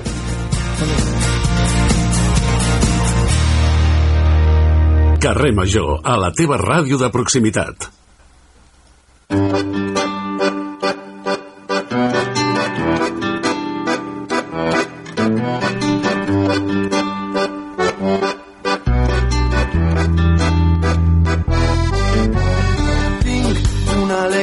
Sense fronteres, una alegria plana... Doncs perquè vegin que canviem i que no ens repetim, avui anem a donar la volta al tom a la nostra graella de programació. Comencem amb el nostre convidat dels divendres, el criminòleg, el Jordi Palau, el Da Vinci del segle XXI, 21, 28, ja vaig molt avançat, Jordi. Bona tarda. 21, 21. Avui amb un tema interessantíssim que ens acompanya des dels estudis de Ràdio Ciutat de Tarragona. Jordi, bona tarda. Molt bona tarda. Segle XXVIII, segle XXVIII. Ja arribarem, ja. Ja arribarem? Vols dir que arribarem? Sí, sí, ens morim abans i arribarem. Avui ens vens a parlar de la acupressió. Què és això de l'acupressió, Jordi? Doncs és una cosa que es va descobrir fa uns 5.000 anys, però bueno, clar, tampoc no hi havia registres si era 5.000, si era 4.999 o 5.001. I eh, la medicina tradicional xina, eh, des de sempre, ha intentat eh, curar les persones sense químiques o d'altres maneres. Segurament ja també utilitzaven les plantes medicinals d'altres coses. Però una de les coses que, que fa molts anys que utilitzen ells és l'acupressió, que potser nosaltres estem més acostumats a l'acupuntura però l'acupuntura no és res més que l'acupressió quan hi claves unes agulles. La, bueno, el cos humà està dividit en uns 12 meridians. Ells entenen el cos humà diferent de nosaltres. Nosaltres, quan anem als metges, cadascú té un, un tractament, no? el traumatòleg, l'oftalmòleg, és a dir, ens separem, no? Cada, cada metge separa per una especialitat. Doncs ells entenen que el cos humà és algo completament conjunt. És a dir, si et fa mal la cama, té alguna a veure potser amb el, amb el pulmó. Si et fa mal el pulmó, potser té alguna a veure amb el, amb el fetge. Si té mal el fetge, potser té alguna a veure amb l'orina. Llavors, ells entenen que el cos humà està tot relacionat. I d'aquí ve que la compressió de vegades se col·lapsen les energies, el famós qui, sabeu? Heu sentit parlar del tai chi? Pues el chi, sí. nosaltres l'hem traduït amb el chi, però és el qui. Diguem que és una energia que volta per tot el cos tots hem notat l'energia, no? Quan ens aixequem al matí, un diumenge al matí, que estem eufòrics per anar amb moto, donar una volta, eh? tenim una energia. Però ells en diuen qui? Jo no, eh? Jo els diumenges al matí no estic eufòric, al eh? matí no, el dissabte a la nit. Tu més dissabte a la nit. Sí, sí, sí, sí. doncs és molt divertit el tema del, del ki, perquè jo sóc un practicant d'unes arts marcials que es diuen Kayu Jiu-Jitsu, que està relacionat amb la copressió i amb l'acupuntura i tal i qual, i realment eh, fa uns anys que jo que ho faig, i clar, tens que entendre el cos humà com un mapa. Eh? A mi em fa molta gràcia per explicar-ho, eh, imaginem que és un mapa. A vegades quan mires un mapa, eh, sobretot al Google, per exemple, mirem un mapa i per saber-nos com ens hem d'ubicar hem d'anar tirant enrere, enrere, enrere, enrere per saber on estem. Sí? És a dir, tu veus, per exemple, carrer mm, Països Catalans. Clar, però si no vas tirant enrere, enrere, enrere fins que veus quina ciutat és, no saps on estem. Doncs és una mica... Ja. Seria... Sí? Què et sembla aquesta idea? Seria una mica el No, no, mateix... em al- sembla espectacular. Sí, clar. I llavors, clar, per exemple, si vegades, o sigui, estàs buscant un mapa a Barcelona, i llavors dius, "Doncs tinc que anar a tal lloc, ja, però primer tinc que saber on estic, no? Però per saber on estic tinc que anar, tinc que anar enrere per ubicar-me, no? per arribar-hi. Doncs el cos humà és exactament el mateix. De vegades tenim que mirar el cos com un conjunt molt més global que no pas com un conjunt només, eh, com una cosa concreta. I la copressió parla sobre això que de vegades la copressió la fem tots, eh? encara que no sigui encara que sembli una cosa molt, molt, molt, molt rara, la fem tots. A vegades ens posem la mà al genoll i dius sembla com si fa mal alguna cosa. Sempre estem paupant, no sé si la, la paraula és correcta, i en diu paupar, no? que és tocar-te. Eh? A vegades te vas tocant el braç i sembla com si fa mal una mica aquí, una mica d'allà. O sigui doncs, que digue'm. quan et passa això, Jordi, vol dir que potser tens alguna altra part del cos que, que està malament, que Correcte. és, un, és una senyal del cos, pot ser una senyal del cos que t'avisa de, ei, potser el fetge no, no va com hauria d'anar. Molt bé, correcte. Hi ha 12 meridians que estan associats, bueno, hi ha els do, dos meridians bàsics, que són el vas Concepció i el vas Governador, que un va per davant, diguem que va ser per davant de... com si partís el cos amb, de la meitat, passa just per davant, i l'altre passa tot completament per darrere, tot el que és la columna vertebral de dalt a baix. Però després hi ha tots els altres meridians que estan associats a òrgans del cos, com el fetge, com els pulmons, com el cor, etc etc. Fixeu-vos que, encara que sigui medicina tradicional xina, està molt relacionada amb, la- amb nosaltres, perquè nosaltres el dit, el dit mig del, del, de la mà li diem el dit, el dit cor. Nosaltres n'hi diem el dit cor, no el diem el dit polze, el dit índex, n'hi diem el dit cor. I precisament... Els nens petits diuen el, el, el, el dit dels insults. El dit dels insults, correcte, però realment a la energia, al, al, al qui passa per aquí, és a dir, que passa un meridià de pulmó, passa el meridià de pulmó just pel, pel dit polze. Després, també, potser us recordeu de petit, a mi m'ho feia molt la meva àvia, quan teníem angines, ens agafaven les munyaques o els canells i ens petaven les angines. No us en recordareu? Potser algú de vosaltres, però... No. No? Doncs quan tenies No, no, angines, no ho te trencaven les angines a través del, de les, dels canells. I realment sí, havia, jo sempre ho feia a la meva filla, quan, eh, quan a vegades se li s'enflaven les, una mica les angines, li apreta una mica els canells i veureu que té com una espècie com de bultet, un bulto, un petit, una petita protuberància, que és una petita inflamació, que són el que nosaltres diem els ganglis, no? tenim com a ganglis. Doncs la copressió fa això, petits ganglis. A la feina, per exemple, a vegades hi ha companys que diuen, hosti, m'he enganxat de, de les cervicals. Doncs, per exemple, hi ha un punt meravellós que està per sota del, per sobre del colze a la part interna que allò des, desactiva el que és la, la tortícolis famosa que tenim algunes vegades, no? Alça, tu. Eh, Jordi, on són els principals punts de la cooperació? En quines parts del cos? Has parlat de les mans, has parlat d'aquí darrere de, de, del colze, eh, però ja, suposo que deuen ser mans, peus i, i cap, no? A tot arreu, a tot arreu. Us recordeu quan... Ah, a tot arreu. Sí, us recordeu quan estem allà que ens fa mal al cap que instintivament ens posem la mà, els dits aquí als polzes, a sota, darrere dels ulls, al costat dels ulls, i ens fem així com una espècie de massatge? Ho fem instintivament, eh, que sí? Quan estem... Sí. Inclús quan estem molt agobiats ens posem els dos dits aquí, entremig dels Ai, ulls sí. i el nas, i fem també un petit massatge? Tot això és acupressió. Amb l'Aleix, amb l'Aleix me passa molt Sí? això. Amb l'Aleix... Sí, exacte, exacte, veus? Eh? Sí, te puges les ulleres. Digue'm? No li passa tant, Jordi. No, no tant. Però, per exemple, hi ha coses que no sabem. Hi ha un punt que és un punt d'antiinflamatori, que és molt fàcil, que el tenim just entre el dit pols i el dit índex. Doncs aquest punt, a vegades, quan ens fa mal el queixal i això, sí que ens podem prendre antiinflamatoris, però un, un, antibi, un antiinflamatori natural seria fer-nos una compressió, clar, per la ràdio no es veu, però bueno, sí, fer-nos un petit massatge, amb els, és a dir, obrim la mà oberta, deixem el dit polze i el dit índex separats, i amb l'altre dit índex i polze doncs fem un petit massatge circular. I veureu que aquí hi ha un foradet, i això d'aquí ens alivia, per exemple. Ah. Sí.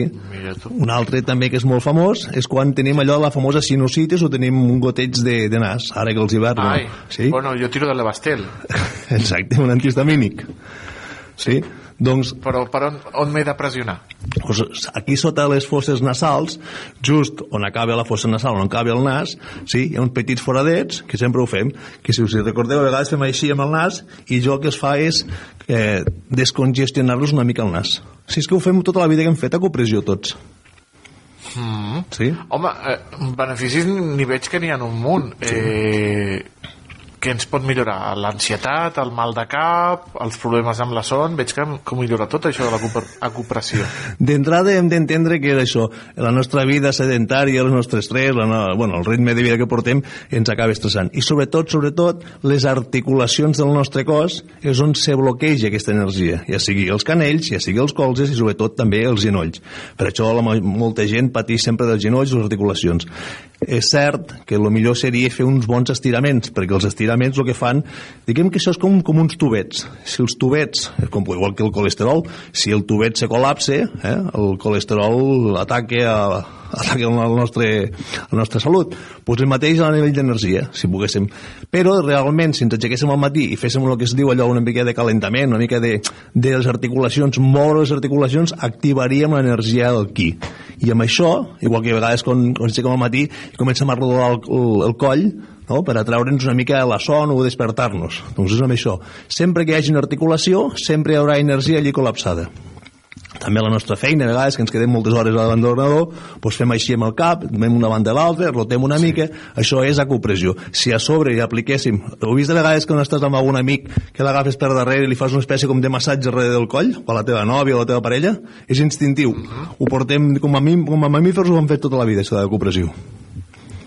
Tenim la, la cooperació llavors molt, molt inculcada al dia a dia. També inclús ha d'haver-hi una mica o hi ha una mica d'efecte placebo també inclús d'aquest no sé, quin, quin percentatge inclús t'atreviries a dir que hi ha de placebo o, o, o, com, o com va? Jo crec que diuen que la fe, la fe mou muntanyes. És a dir, eh, sempre, i quan anem al metge també, eh, potser pots, te pots fer unes analítiques i, no, i estàs bé i, a les, i sortint de la, del metge resulta que estàs malalt, no? Eh, que tens el colesterol alt però quan el dia abans no ho sabies que el tenies. Doncs el placebo el tenim tant a la medicina tradicional com a la medicina actual. Però realment, eh, si nosaltres pensem que al cap i la fi no és una, una mesura curativa, sinó més aviat és pal·liativa o inclús preventiva. Si podem fer la copressió de forma preventiva, clar, si tenim una enfermetat potser que millor que anem al metge, òbviament, però si cada dia ens fem això, fem un, jo feia un repàs abans de dormir, em sento allò al sofà, em toco una mica, potser sona malament, però realment em toco les, els, els cames, em toco els peus, i miro si algun punt em fa mal. Si algun punt em fa mal, llavors miro quin és el meridià que tinc col·lapsat. Mm, mira tu, eh, explorar-te. Eh, Això és el bo de la cooperació, que, sí. que, que, tu, que tu pots fer tu mateix. Bueno, si sempre estàs en mans d'un professional, Aquí agulles no n'hi ha. No cal. Aquí són els dits Els del mateixos professional, dits. però també utilitzen eh, boles de, i, Sí. o barres per, per, per, per, per la cooperació, no? Sí, això és molt senzill. A vegades allí ha, hi ha alguns... Ho podeu comprar també per internet. Hi ha com unes boletes que són allò de massatges i llavors hi ha diferents boles de diferents tamanys. Jo, per exemple, utilitzo els dits perquè m'agrada molt, perquè se'n diu digipuntura. Hi ha la copressió i la digipuntura perquè s'utilitza els dits. Però, bueno, podeu... Comenceu amb els dits i si realment voleu fer-vos un massatge amb alguna boleta, inclús amb alguna pilota dura, se pot anar fent, sempre i quan no sigui molt gran, i depèn del punt, perquè com més petita sigui la pilota, més entrarà. Per això se fa la, acup- la acupuntura amb agulles, perquè llavors amb agulla ja entres directament just al punt. No, però millor que no et punxin. No, no, no, no. Penseu que la- lo, lo bàsic és això. Tocar-vos una mica, fer una mica de, de recerca i veure si realment tenim alguna cosa. Sobretot, per exemple, al braç hi passa tot el tema meridià de pulmons. Ara que ha tot el tema de les al·lèrgies, que ja començarem al març amb les al·lèrgies, quan comenci no, amb aquesta sequera que hi ha, doncs veureu que si, sobretot si repassem tot el que és de la part de l'antebraç, eh, els que tenim més tendència a agafar al·lèrgies, pues aquí veureu que està bastant inflamat. Se'ns inflama una espècie de entre la mà i el, el colze i això prové tot del pulmó. I Jordi, tota aquesta informació que ja fa mm, cent, cent, segles i gairebé Sí, milers d'anys, milers d'anys. i milers, i milers d'anys que, sí. que va això. Em, com podem aprofitar o com es pot a, aprofitar cap a on creus que pot evolucionar tot aquest coneixement recollit durant tot aquest temps? Pot haver-hi una, una, una sofisticació inclús de- d'aquestes tècniques? En què, en què pot millorar la nostra vida Jo crec que, com tot, eh, hem de- d'evitar eh, los, los grans crecepelos i les grans eh, solucions màgiques. Al cap i la fi, la salut sempre és el mateix. La salut és la prevenció, no? Però realment ja s'està demostrant científicament que la meditació funciona, s'està demostrant realment que la, no sé, que la pau interior funciona, que anar a passejar per la platja i relaxar-se funciona, no? Pues, també podem aprofitar que les, hi ha moltes altres cultures que tenen altres coneixements, igual que les plantes medicinals, doncs amb la copressió el mateix podem utilitzar eh, això, la copressió. Més que res, jo sempre dic el mateix, eh, les malalties sempre avisen. No passa que la gent diuen de cop i volta em, trobo malament. No, sempre avisen, ens trobarem. Si a més a més fem una mica d'escàner nosaltres mateixos, tocant-nos una mica i veiem que tenim algun gangli inflamat, doncs és molt fàcil consultar per internet, per exemple, de quin és, quin és el meridià que està afectat. I llavors potser sabrem. De vegades, doncs això, si els horaris que fem, o, la, o si mengem o mengem malament aquella setmana, doncs se'ns inflamarà més potser la melsa o se'ns inflamarà més l'estómac i ho notem, eh? Ho notem. A vegades a vegades a la gent els pregunto eh, aquesta setmana que has menjat molta carn vermella? Sí, doncs veus que tens inflamat aquest gangli, això d'aquí forma part del meridià de l'estómac, per exemple. Professionals de la cooperació, ja ho veuen, amics i amigues, i, i el Jordi Palau, que ens ha instruït aquesta setmana amb aquesta tècnica mil·lenària xinesa d'autocuració i, i d'autoconeixement. Jordi Palau, com sempre, moltíssimes gràcies per il·lustrar-nos de tant en quant amb, amb tot aquest eh, ventall de coneixements que, que ens portes aquí al Cremageu. Una abraçada i bon cap de setmana. Moltíssimes gràcies, igualment. Bon cap de setmana. Carrer Major, el primer programa del Camp de Tarragona.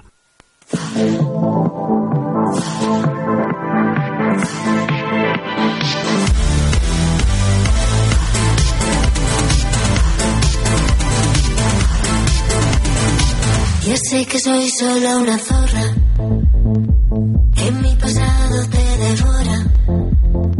Ya sé que soy la oveja negra.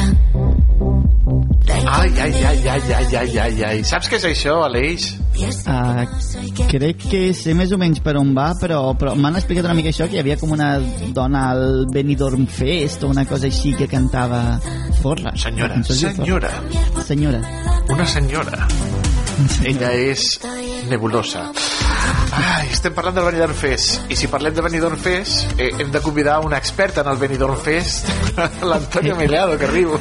Moltes gràcies, Toni Mateos. Hola, Aleix, també. Uh, bona tarda.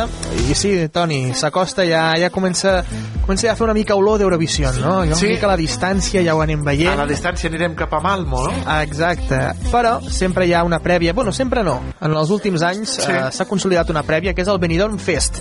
Concretament, enguany, el Benidorm Fest 2024, que ja té el seu cartell complet de 8 finalistes que es disputaran demà, el dissabte, al micròfon de bronze i amb ell el bitllet Eurovisió. És a dir, d'aquí sortirà la cançó que representarà Espanya, Espanya a Malmo, a Eurovisió.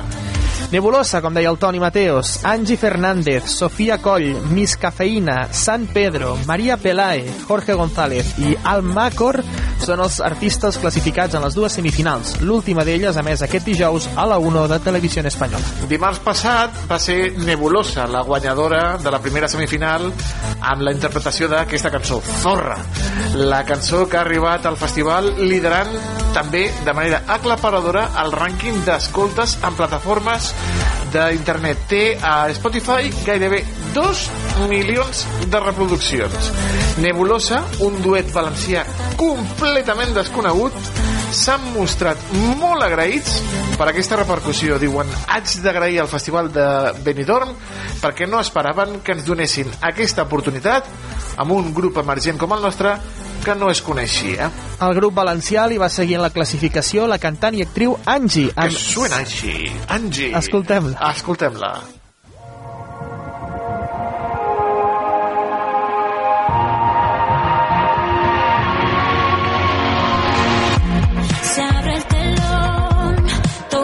Estem a l'any 2008. Sí, hem tornat enrere. Exacte, aquest és, aquest és Sé quién soy. Angie Fernández ha afirmat que, tot i sigui com sigui la cançó, ella està gaudint l'experiència al màxim. Diu que em sento super agraïda amb la meva tornada a la música aquí. Sense el meu equip no hauria tret aquesta força. A vegades costa i és important envoltar-se de gent que et vol i que et dona suport, ha dit. Eh, Angie, l'actriu i ara, i ara cantant. Aquesta sortia física o química, no? Sí, era la... no me'n recordo com es deia, però feia un paper principal. Allà es va conèixer, de fet. Allà es va donar a conèixer. Més cançons. Vinga. Sofia Coll. Mírame. Esta vez sé que no hay marcha atrás. És la catalana Sofia Coll d'Eufòria i la seva Here to Stay també que està a la final. L'única representant catalana després de la injusta eliminació del Roger Pedrós el dimarts. Sofia ha donat les gràcies per al suport incondicional que hi ha hagut de molta gent que no sabien ni el seu nom ni coneixien el seu univers. Estic molt agraïda a l'equip que ha creat això del Benidorm Fest I anem amb una altra, amb una banda que sí que és me- més coneguda, no? Sí. Miss Cafeïna, Miss escoltem-los. Yo que he luchado por ti, que me he dejado la voz, ahora no estoy a la altura. Amb la popular banda indie Miss Cafeïna, amb aquest bla bla bla, es completa el quadre d'aquesta primera eliminatòria, la de dimarts. Miss Cafeïna es queden amb la sensació que han format part d'una edició superdiversa. Es veurà una final en la qual la música espanyola estarà representada en tots els seus vessants, i aquesta cançó, bla bla bla, bé que ho confirma. bla bla bla anem amb més cançons anem amb la segona semifinal eh, San Pedro escoltem una miqueta de San Pedro Bienvenidos a 1996 Sergio Dalma representando a España. Ah no, que es un bolero, calla, escolta, escolta. Prometida tan bonito cuando nos Sí que no entiendo que és el Festival d'Eurovisió, Antonio Aquesta cançó la pots escoltar en un chill-out a les dues de la matinada. En un ascensor. En un ascensor, a la consulta del dentista. Exacte, exacte. Etcètera, etcètera. Doncs mira, de la segona semifinal, la d'Eddie Jones va acabar amb San Pedro com a guanyador, gràcies a la seva actuació amb Dos Extraños. Si és que té nom també de bolero, aquesta és que de veritat. San Pedro és un dels grans favorits de la final. Ha donat les gràcies al seu equip i als eurofans pel suport que han donat a la seva proposta. San Pedro també és un vell conegut pels eurofans ja que ha signat moltes cançons del Benidorm Fest d'edicions anteriors, com per exemple la de Famous eh, era de San Pedro. Canviem completament l'estil, Toni. Anem als a la següent. Maria Pelae amb Remitente. Ole. Se me hizo tarde, se fue la arena, se me hizo tarde y ahora cadena, en un suspiro, mi toca avena, ración de leche, ración de pena. Perdona esta carta que te doy. Perdona, perdona, la, la perdonem, la perdonem a la Maria Pelae, que serà de fet la que obri la final de demà dissabte. Tots els missatges que ha llegit diu que són d'emoció, des del cor. Es mostra molt contenta la senyora Pelae d'obrir la final amb Remitente i diu que ho farà amb tota la força del món. Jo vaig venir a cantar i comptar, ahir ho vaig fer i demà ho faré multiplicat per 100, és el que ha dit la intèrpret andalusa després, després de la seva classificació. Anem a un altre, amb el Jorge González i Caliente. Com sonarà això? Ai.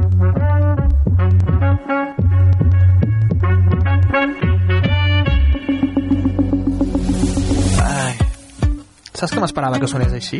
Ja quan has dit el títol, Caliente, Caliente. m'esperava que sonés així, Toni. Eh, Jo m'espero aquí a la, a la Nelly, Nelly Fureira, no? A la, a la Fuego, Moreira, sí, la de Fuego. fuego. Jorge González i el seu tema Caliente. Li van fotre bronca al públic, al jurat, per la seva puntuació, que van puntuar molt baix el Jorge, que no van trobar just la tercera posició per aquest eh, cantant. Eh, Jorge ha contestat que les comparacions del seu número Caliente amb el mític Slow Mo de la Chanel, ell ha dit jo mai he volgut comparar-me amb ningú, per a res. Simplement això és un home fent el que potser no estem acostumats a veure, que és ballar. I ballar de forma molt sensual. No sé què no ha agradat al jurat, però trauré de mi fins l'últim alè defensant la meva cançó. Doncs aquestes són les paraules del Jorge González amb Caliente. S'ha de pronunciar així, Caliente. Caliente. Sí. I acabem amb la vuitena i última cançó del Benidorm Fest que es presentarà aquest dissabte a la final amb aquest Brillos Platino del Macor.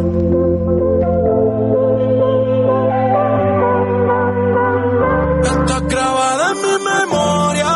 A fuego tenemos una trayectoria. No vols dir que ha sortit d'un disc de reggaeton? O sigui, que aquest noi... Eh, Ritmes urbans. No existeix aquesta cançó ja. Jo crec que sí. ja Jo, jo crec que existeix i està generada per una illa, però no. Podria ser, es podria donar el cas. Aquest és Alma, Almacor, Almacor no, eh? Almacor, que sempre li dic Almacor jo. Um, li van seguir a la taula després de la suma del televoto, del vot demoscòpic i el jurat professional, i es va poder colar, per tant, a la final. I tancarà dissabte, de fet, la gran final. Diu Almacor que s'ha mostrat amb moltes ganes eh, que arribi el moment, diu que està tranquil, que les posades en escena ja s'han revelat i ara només cal detallar un parell de cosetes, però té ganes de muntar un gran show. Aquest és el planter d'artistes, els vuit finalistes que lluitaran demà dissabte pel bitllet a Malmo, ciutat sueca, on Eurovision celebrarà la seva gran final el proper 11 de maig. Amb Israel, Sí, una altra de les polèmiques. Oh. Me cac. els favorits dels tonis. Doncs mira, tenim Zorra, de la Nebulosa, i ens encanta que, si, que sigui una senyora que tingui més de 50 anys, que està estupenda, i acompanyada per dos xulazos. Eh, Així és com s'ha d'anar a Eurovisió, Toni. Amb dos xulazos? I tant. I quedarem últims, sí, És però igual. almenys ens ho passarem bé. L'important és, és participar en aquests casos. Sí, sí, sí. Um, un altre dels favorits, en aquest cas del públic, és el Macor, però la gala d'ahir va mostrar forces carències vocals i la seva actuació va ser una mica justeta. Així es Mhm. llegia a les xarxes socials que bullien, eh? San Pedro potser guanya una mica, però tornem a repetir que un bolero no és una cançó per a guanyar Eurovisió, eh? Però bé, amb Salvador Sobral, no? Te'n recordes? Aquell de Portugal. Però no era un bolero, era un fado. Però era una altra cosa, Era una no? altra- Era una era- cosa i que sortia dels temps. estàndards, eh? Exacte. Mai sabem. Ni tampoc, però, pensem que la Maria Pelae pugui guanyar, que continua apostant no, per la música d'arrel andalusa, i a veure, veient el que va passar l'any passat amb Blanca Paloma i el seu Ea Ea, no? Ea, que també era una mica amb aquest estil, doncs al final va quedar oblidada per tothom. Què se n'haurà fet d'aquella noia, la Doncs mira, Blanca Paloma? Tothom parla de Vico. Sí, home, Nochentera va triomfar. Aquí encara la posen els guateques. I tant. I el Ea Ea de la Blanca Paloma, doncs ja ni, ni, ni, ni sona. No. Ràdio Televisió Espanyola celebrarà demà dissabte la gran final del Benidorm Fest a partir de les 10 de la nit a la 1 i a priori tot fa pensar que com ha succeït en les dues edicions anteriors la victòria es debatrà entre Nebulosa i San Pedro, els guanyadors de les seves respectives semifinals. Però, no obstant això, no es descarta que siguin altres o que hi hagi sorpresa i sarpasso després d'unes gales classificatòries de nivell, no molt alt nivell no, no di, dilluns, di, dimarts perdona, va sonar molt malament el que es disputin la gran final i que guanyin el preuat micròfon de bronze i el bitllet d'anada i tornada a Malmo o d'anada o d'anada només i que el Depèn de com cantin potser no en tenen de tornada segons com ho faci qui sap, qui sap qui sap, estarem atents Antonio demà dissabte? Sí, demà sí. Després del Carnaval de la Selva tocarà veure... Tocarà veure Eurovisió. Eurovisió. Gràcies, Antonio, com sempre, una abraçada. Bon cap de setmana. Bon cap de setmana. Igualment, adéu, Antonio. Carrer Major és proximitat. The world is changing. Planet's heating up. What the fuck is going on? Rearranging. It's like everything happened all at once. Um, what Demà dissabte, amics i amigues, si volen oblidar els seus problemes del dia a dia, oblidar-se del dia de la marmota i passar una bona estona i al mateix cop abraçar una nova religió, la del bon rollismo, tenen una cita imperdible al Palau de Congressos de Tarragona, ja que arriba el Messies del bon rotllo a la capital tarragonina, el còmic i monologuista Víctor Parrado, amb una trajectòria envejable a les esquenes i sent el segon còmic més guapo de Catalunya. El tenim amb nosaltres aquesta tarda, el Víctor Parrado, segon còmic més guapo de Catalunya. Víctor, bona tarda, com estàs? Què tal, senyor? Bona tarda. Hòstia, el primer ets tu, entenc. A veure, no, el dubte... Això està clar, eh? No hi ha discussió, eh? Bueno, a veure, eh, també hi ha per allà el, el, Javi, el Javi Benítez, que també és molt guapo. Ojo, ojo, però Javi Benítez, eh? Té allà una bona planta, eh? Està en construcció, com el Barça del Xavi, eh? Està en construcció. O destrucció. o destrucció. Què tal, bonic? Hòstia, un plaer, tio. Fa molt de temps que no ens veiem. Fa molt de temps que no ens veiem. Víctor, què és el buen rollismo, estimat? No ho sé ni jo, tio. La veritat. Eh, pues mira, fa uns anys et diria que és una corrent positiva i tot això, tal, muy pablo, pablo ecolista, però crec que s'ha anat transformant bastant, la veritat, el, el buen rollista, el buen rollismo. Al final és una...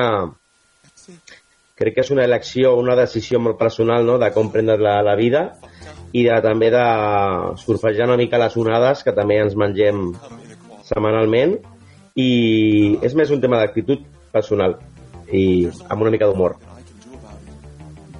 A més, contestant no, a vegades també amb, amb totes les dificultats que tenim en el, en el món, només a vegades cal mirar les notícies no? i, i deprimir-te una estona.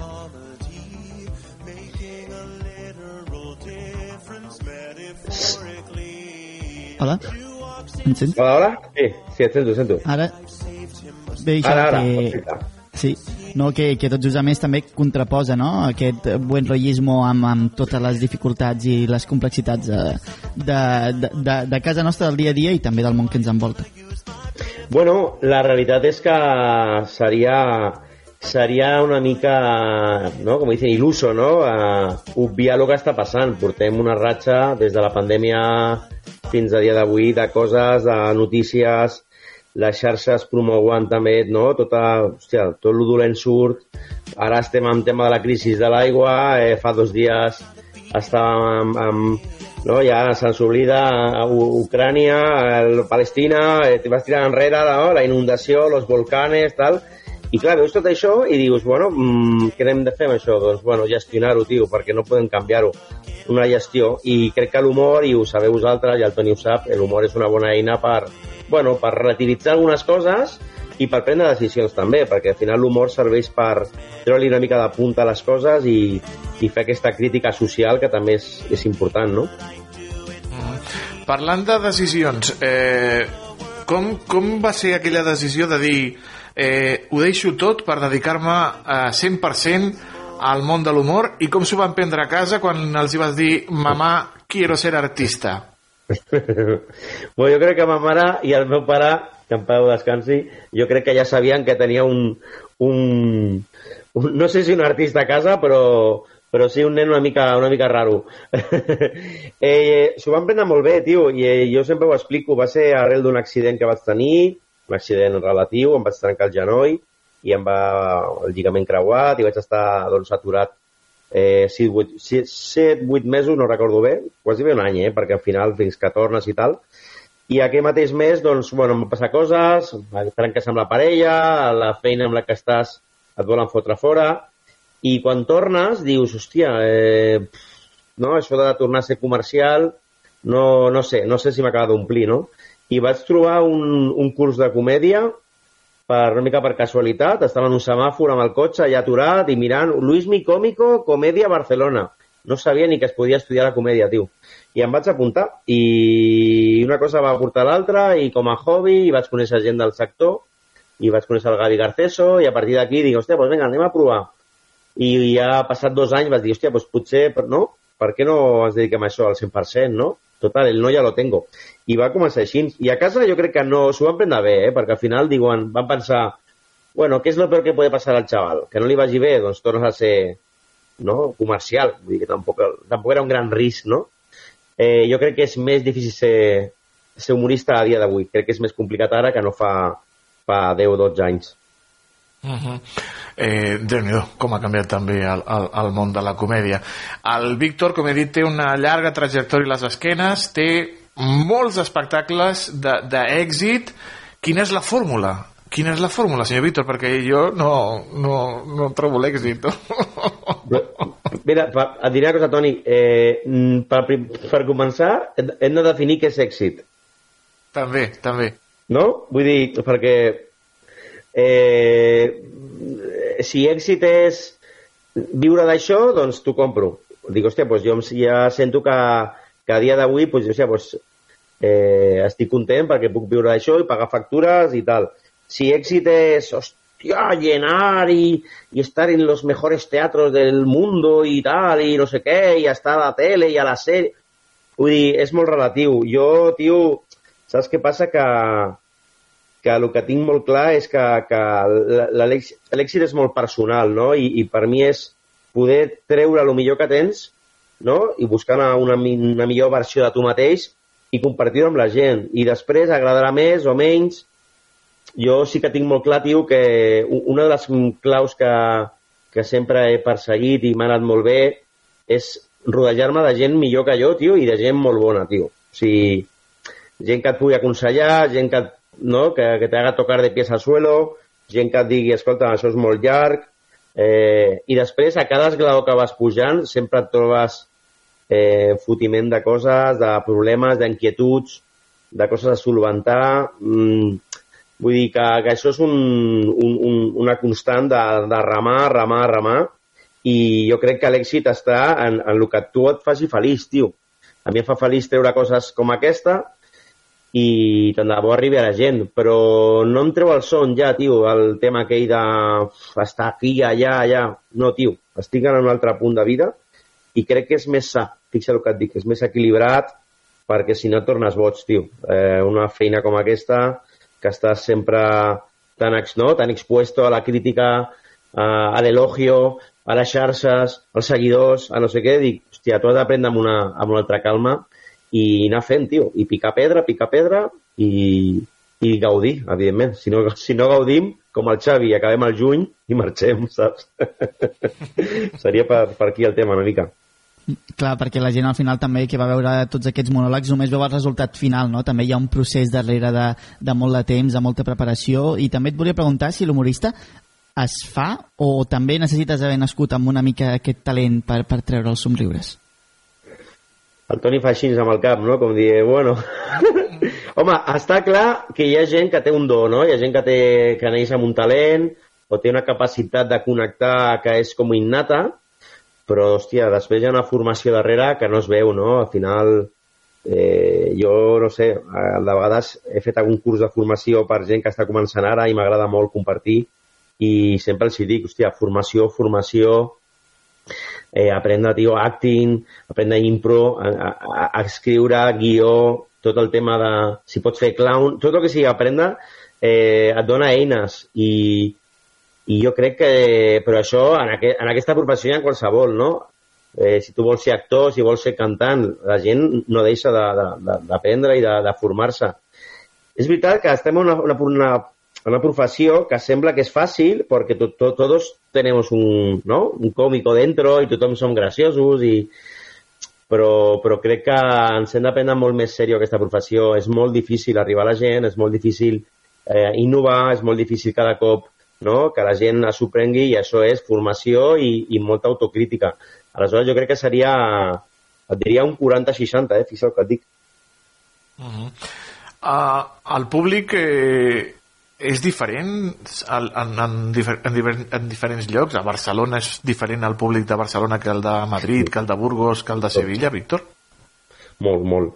molt. I tam tampoc tinc una gran experiència fora de Catalunya, eh? vull dir, sí que he anat a actuar fora, però no podria dir, hòstia, jo aquí en Galícia o ja... O sea, però sí que és veritat que ja canviant, de, canviant ja de, de ciutat, mira, no? de Tarragona doncs ja canvia respecte a Barcelona, o te'n vas a Sant Boi, te'n vas a, a Lleida, o Madrid canvia totalment, eh, la ironia. Eh, canvia molt perquè, evidentment, l'humor és molt local, no? I, i, i los localismos estos, això, doncs, fins que no entens una mica també la, la idiosincràsia de, de cada lloc, eh, també costa.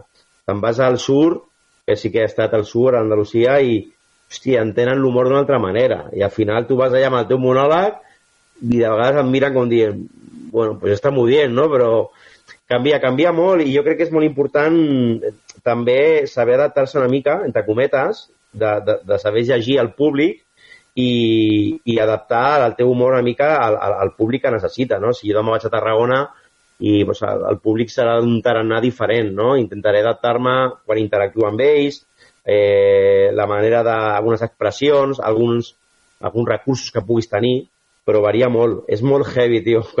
Tu ja ho saps, que quan vas a un lloc canvia molt i, i jo crec que la clau està en saber adaptar-se i, i llegir això. Si no et fots unes hòsties, de, yo vengo con mi libro, bueno, pues, pues vale, No, no, sort. no, eh, jo recordo un, un, dos pobles separats de 5 quilòmetres i amb un sortir a, a, a ombros i a l'altre sortir a gorrazos, o sigui que... Bueno, però va sortir, eh? Que això és important. Va sortir, sí, sí, amb un corrents i l'altre entre vítores i l'altre corrents. Ai, Hi Déu ha meu. dies que no Els se'n que surt. Hi ha dies que no se'n surt. Els que s'acostin demà al Palau de Congressos, un lloc fantàstic, ja veuràs, disfrutaràs com un, com Que un condenau. Eh, què, què veuran demà a, al damunt de l'escenari? Veuran eh, impro, veuran el Víctor fotent-se amb les parelles, fotent-se amb la gent, divertint-se... Eh, què veuran amb el buen rotllismo, Víctor? Pues mira, eh, veuran un Víctor molt honest, perquè jo crec que ja això de complir els 40, ja fa uns anys, m'han fet també estar en un altre punt també a la comèdia. Eh, veuran un, positiv, un positivisme constructiu, però també crític, no? És a dir, una lectura de dir, escolta'm, anem a connectar-nos a les coses bones de la vida sense obviar també que hi ha una realitat que hem d'aprendre a gestionar. Veuran també no, aquest punt de... No sé si la paraula és esperança, perquè no, no cal tenir esperança, no? O, o sí, no ho sé, eh? però sí que aquest punt d'optimisme moderat, que crec que també és important, no? I molt humor, molt humor per riure'ns de, de nosaltres mateixos, de la crisi de los 40, de com estat tot evolucionant, de les xarxes, i, des, i després, bueno, pues la interacció amb la gent també per mi és molt important, no?, per crear aquesta connexió, aquesta cosa propera, eh, i humor blanc. Al final ja saps que a mi m'agrada fer un humor bastant respectuós en aquest sentit i, bueno, pues si venen nens o venen, pues a mi no, no em fa res. Si ve gent gran també entenen l'espectacle. I sobretot té un missatge final, que al final és un tema de, de connectar-nos amb aquesta cosa no? que se'ns oblida, que li llamen de vegades niño interior, altres li diuen eh, equilibri emocional, altres li diuen bienestar, no? Però aquestes coses, aquest punt de dir, ei, vale, que portem una ratxa així, que fem això, que fem l'altre, però anem a aturar, anem a mica per al temps, i aquest moment és per nosaltres, crec que és bo que es puguem dedicar aquest temps, i des de l'humor i també la reflexió, doncs, sortir amb bon rotllisme, no? Aleix, no t'ho perdis, eh? eh? Si pots acostar-te demà al Palau de Congressos i als nostres oients del, del carrer Major, no s'ho perdin per veure el Víctor Parrado el segon còmic més sexy de uh, Catalunya. I t'ho diré sempre. Eh, Bueno, Víctor Parrado, una abraçada molt gran. Eh, Igualment, gràcies, estimat. company. I A tu, molta merda. a per vosaltres. Moltes gràcies, molts èxits i a seguir compartint aquest bon rotllo vostre també. Fins, a, fins aviat, macos. Cuideu-vos. Gràcies, Víctor. macos. Adéu-siau, adéu. Gràcies. A vosaltres. Adéu, macos. Carrer Major, fent camp de Tarragona.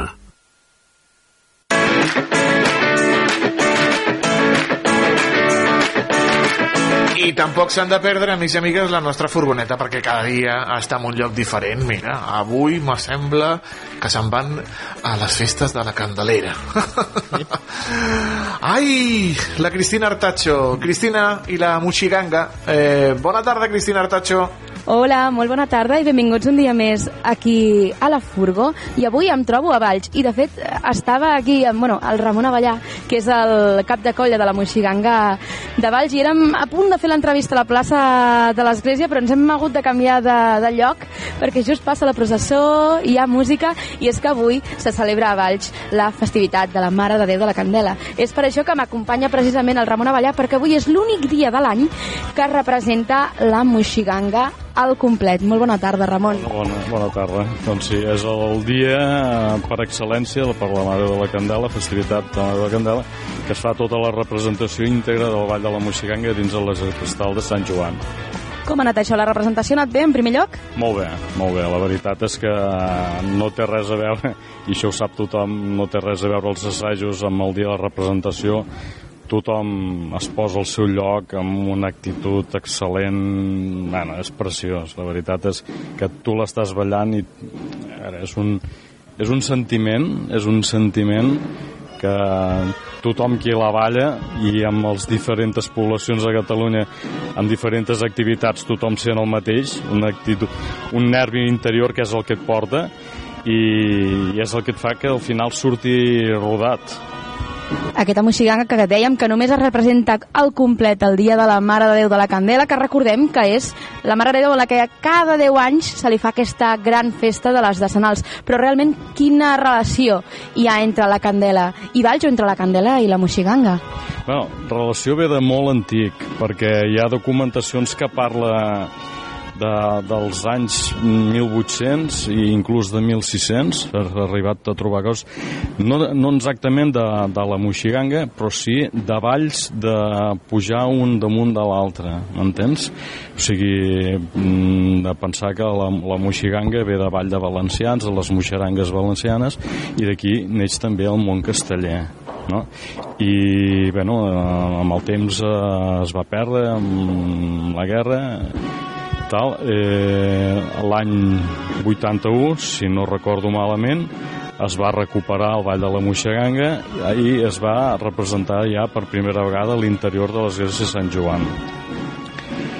I, a més a més, ara ja portem com a 5 anys que també es fa la representació sencera aquí on estem ara, els arts del, del Camp Graner, per Sant Joan també es fa la representació sencera.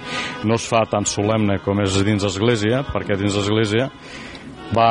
Eh, o sigui, cada figura se li dona una expressió, se, se li llegeix un text de, dels, dels evangelis per donar-li un sentit, un significat, per dir què és el que fem, perquè recordem que la Vall de la Moixiganga el que és és una representació, unes figures plàstiques que representen la passió de Cris.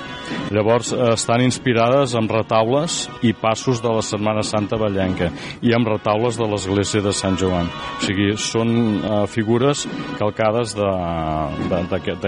d'aquestes representacions. Comenta el Ramon precisament que la Moixiganga són representacions de la Passió de Jesucrist. Jo vull saber realment si continua havent aquest component religiós dins del ball o es mescla molt no, la, el que és la, el component religiós també amb el component tradicional.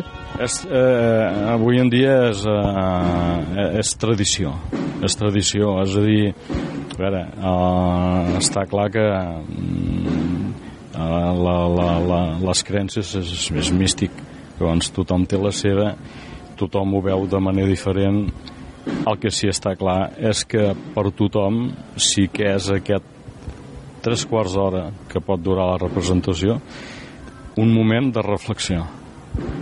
Mm, tothom està concentrat, hi ha un silenci i la veritat és que qui imposa. Hi ha, És molt bonic. hi ha silenci, però també hi ha una música preciosa que acompanya aquestes figures. Quina importància té la música en el vostre treball? Lògicament, eh, com en tot, en el món casteller es dona, és a dir, per exemple, el toc de gralla eh, marca un compàs de com es munta la figura, com s'acaba el castell, doncs el, amb la moixiganga passa el mateix, és a dir, tot aquest acompanyament que hi ha per gralla i tabal, a nosaltres ens dona el compàs del toc de castanyola cada vegada que hi ha un pas baix de tambal notes que tothom fa el pas amb la castanyola perquè es composa del pas de cartró i el pas de coixinet. El pas de cartró és el pas de processó que és anem tots en fila i llavors es comença caminant pas dret i llavors no tots anem amb la mateixa formació. És a dir, encara que anem en renglera un darrere de l'altre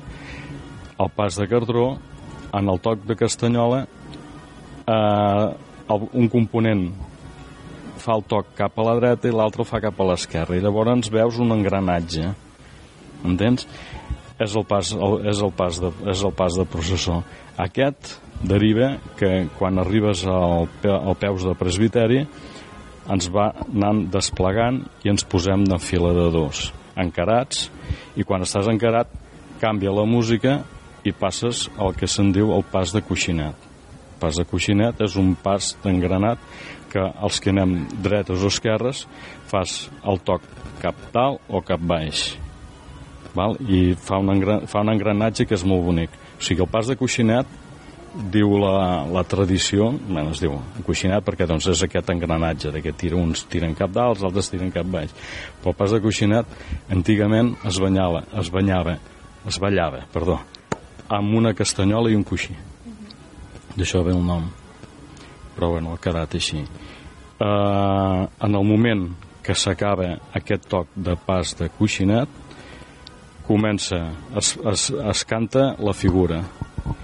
Llavors hi ha un component del grup de la Moixiganga que fa la lectura evangèlica de, del que anem a representar. Automàticament es desplega d'una manera molt eleganta, es despleguen les files, totes baixen les escales i tot es regla i tothom va ocupar el seu lloc per construir la figura. Uh, en el toc de la música tothom sap quin moviment ha de fer. Es construeix la música, es pugen els pilans, pilans de dos, pilars de tres, es forma la figura central que vol representar aquella imatge i arriba un punt que es fan tres tocs de gralla. Aquell és el que culmina la figura, s'ha d'haver acabat.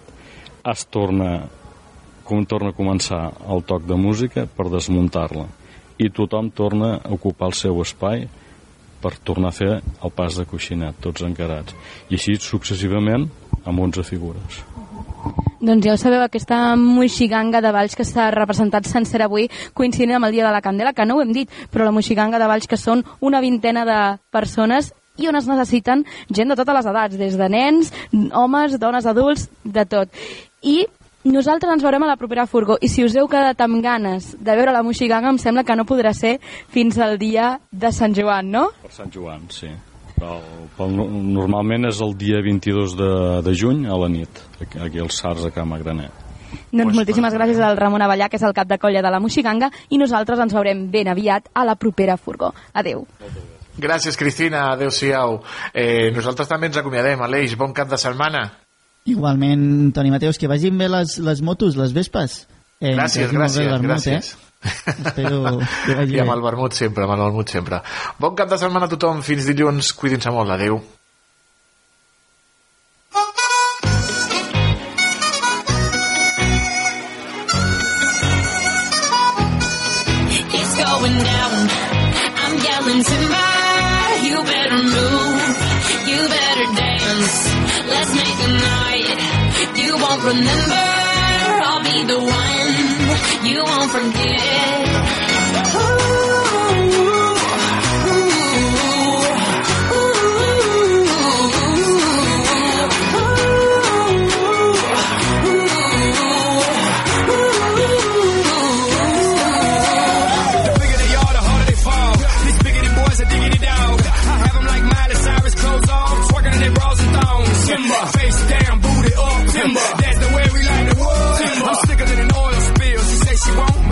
the wheel, timber. Swing your partner round and round, and then the night is going down. One more shot, another round, and then the night is going down. Swing your partner round and round, and then the night is going down. One more shot, another round, and then the night is going it's. Going down.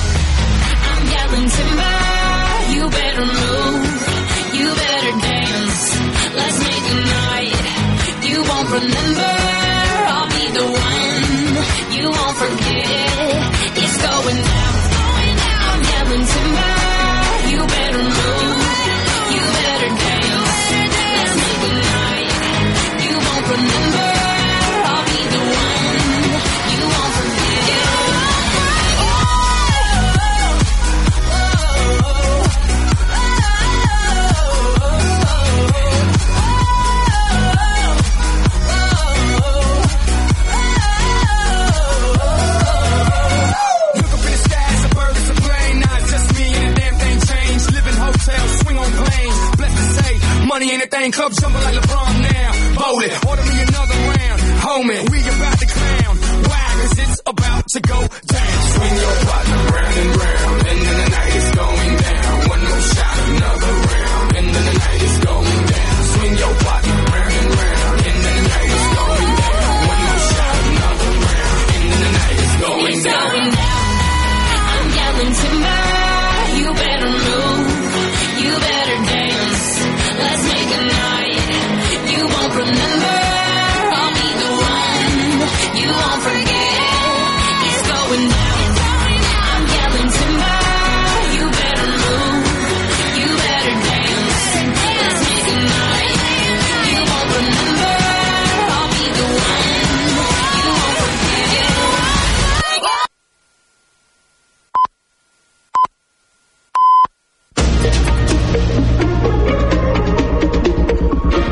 Notícies en xarxa.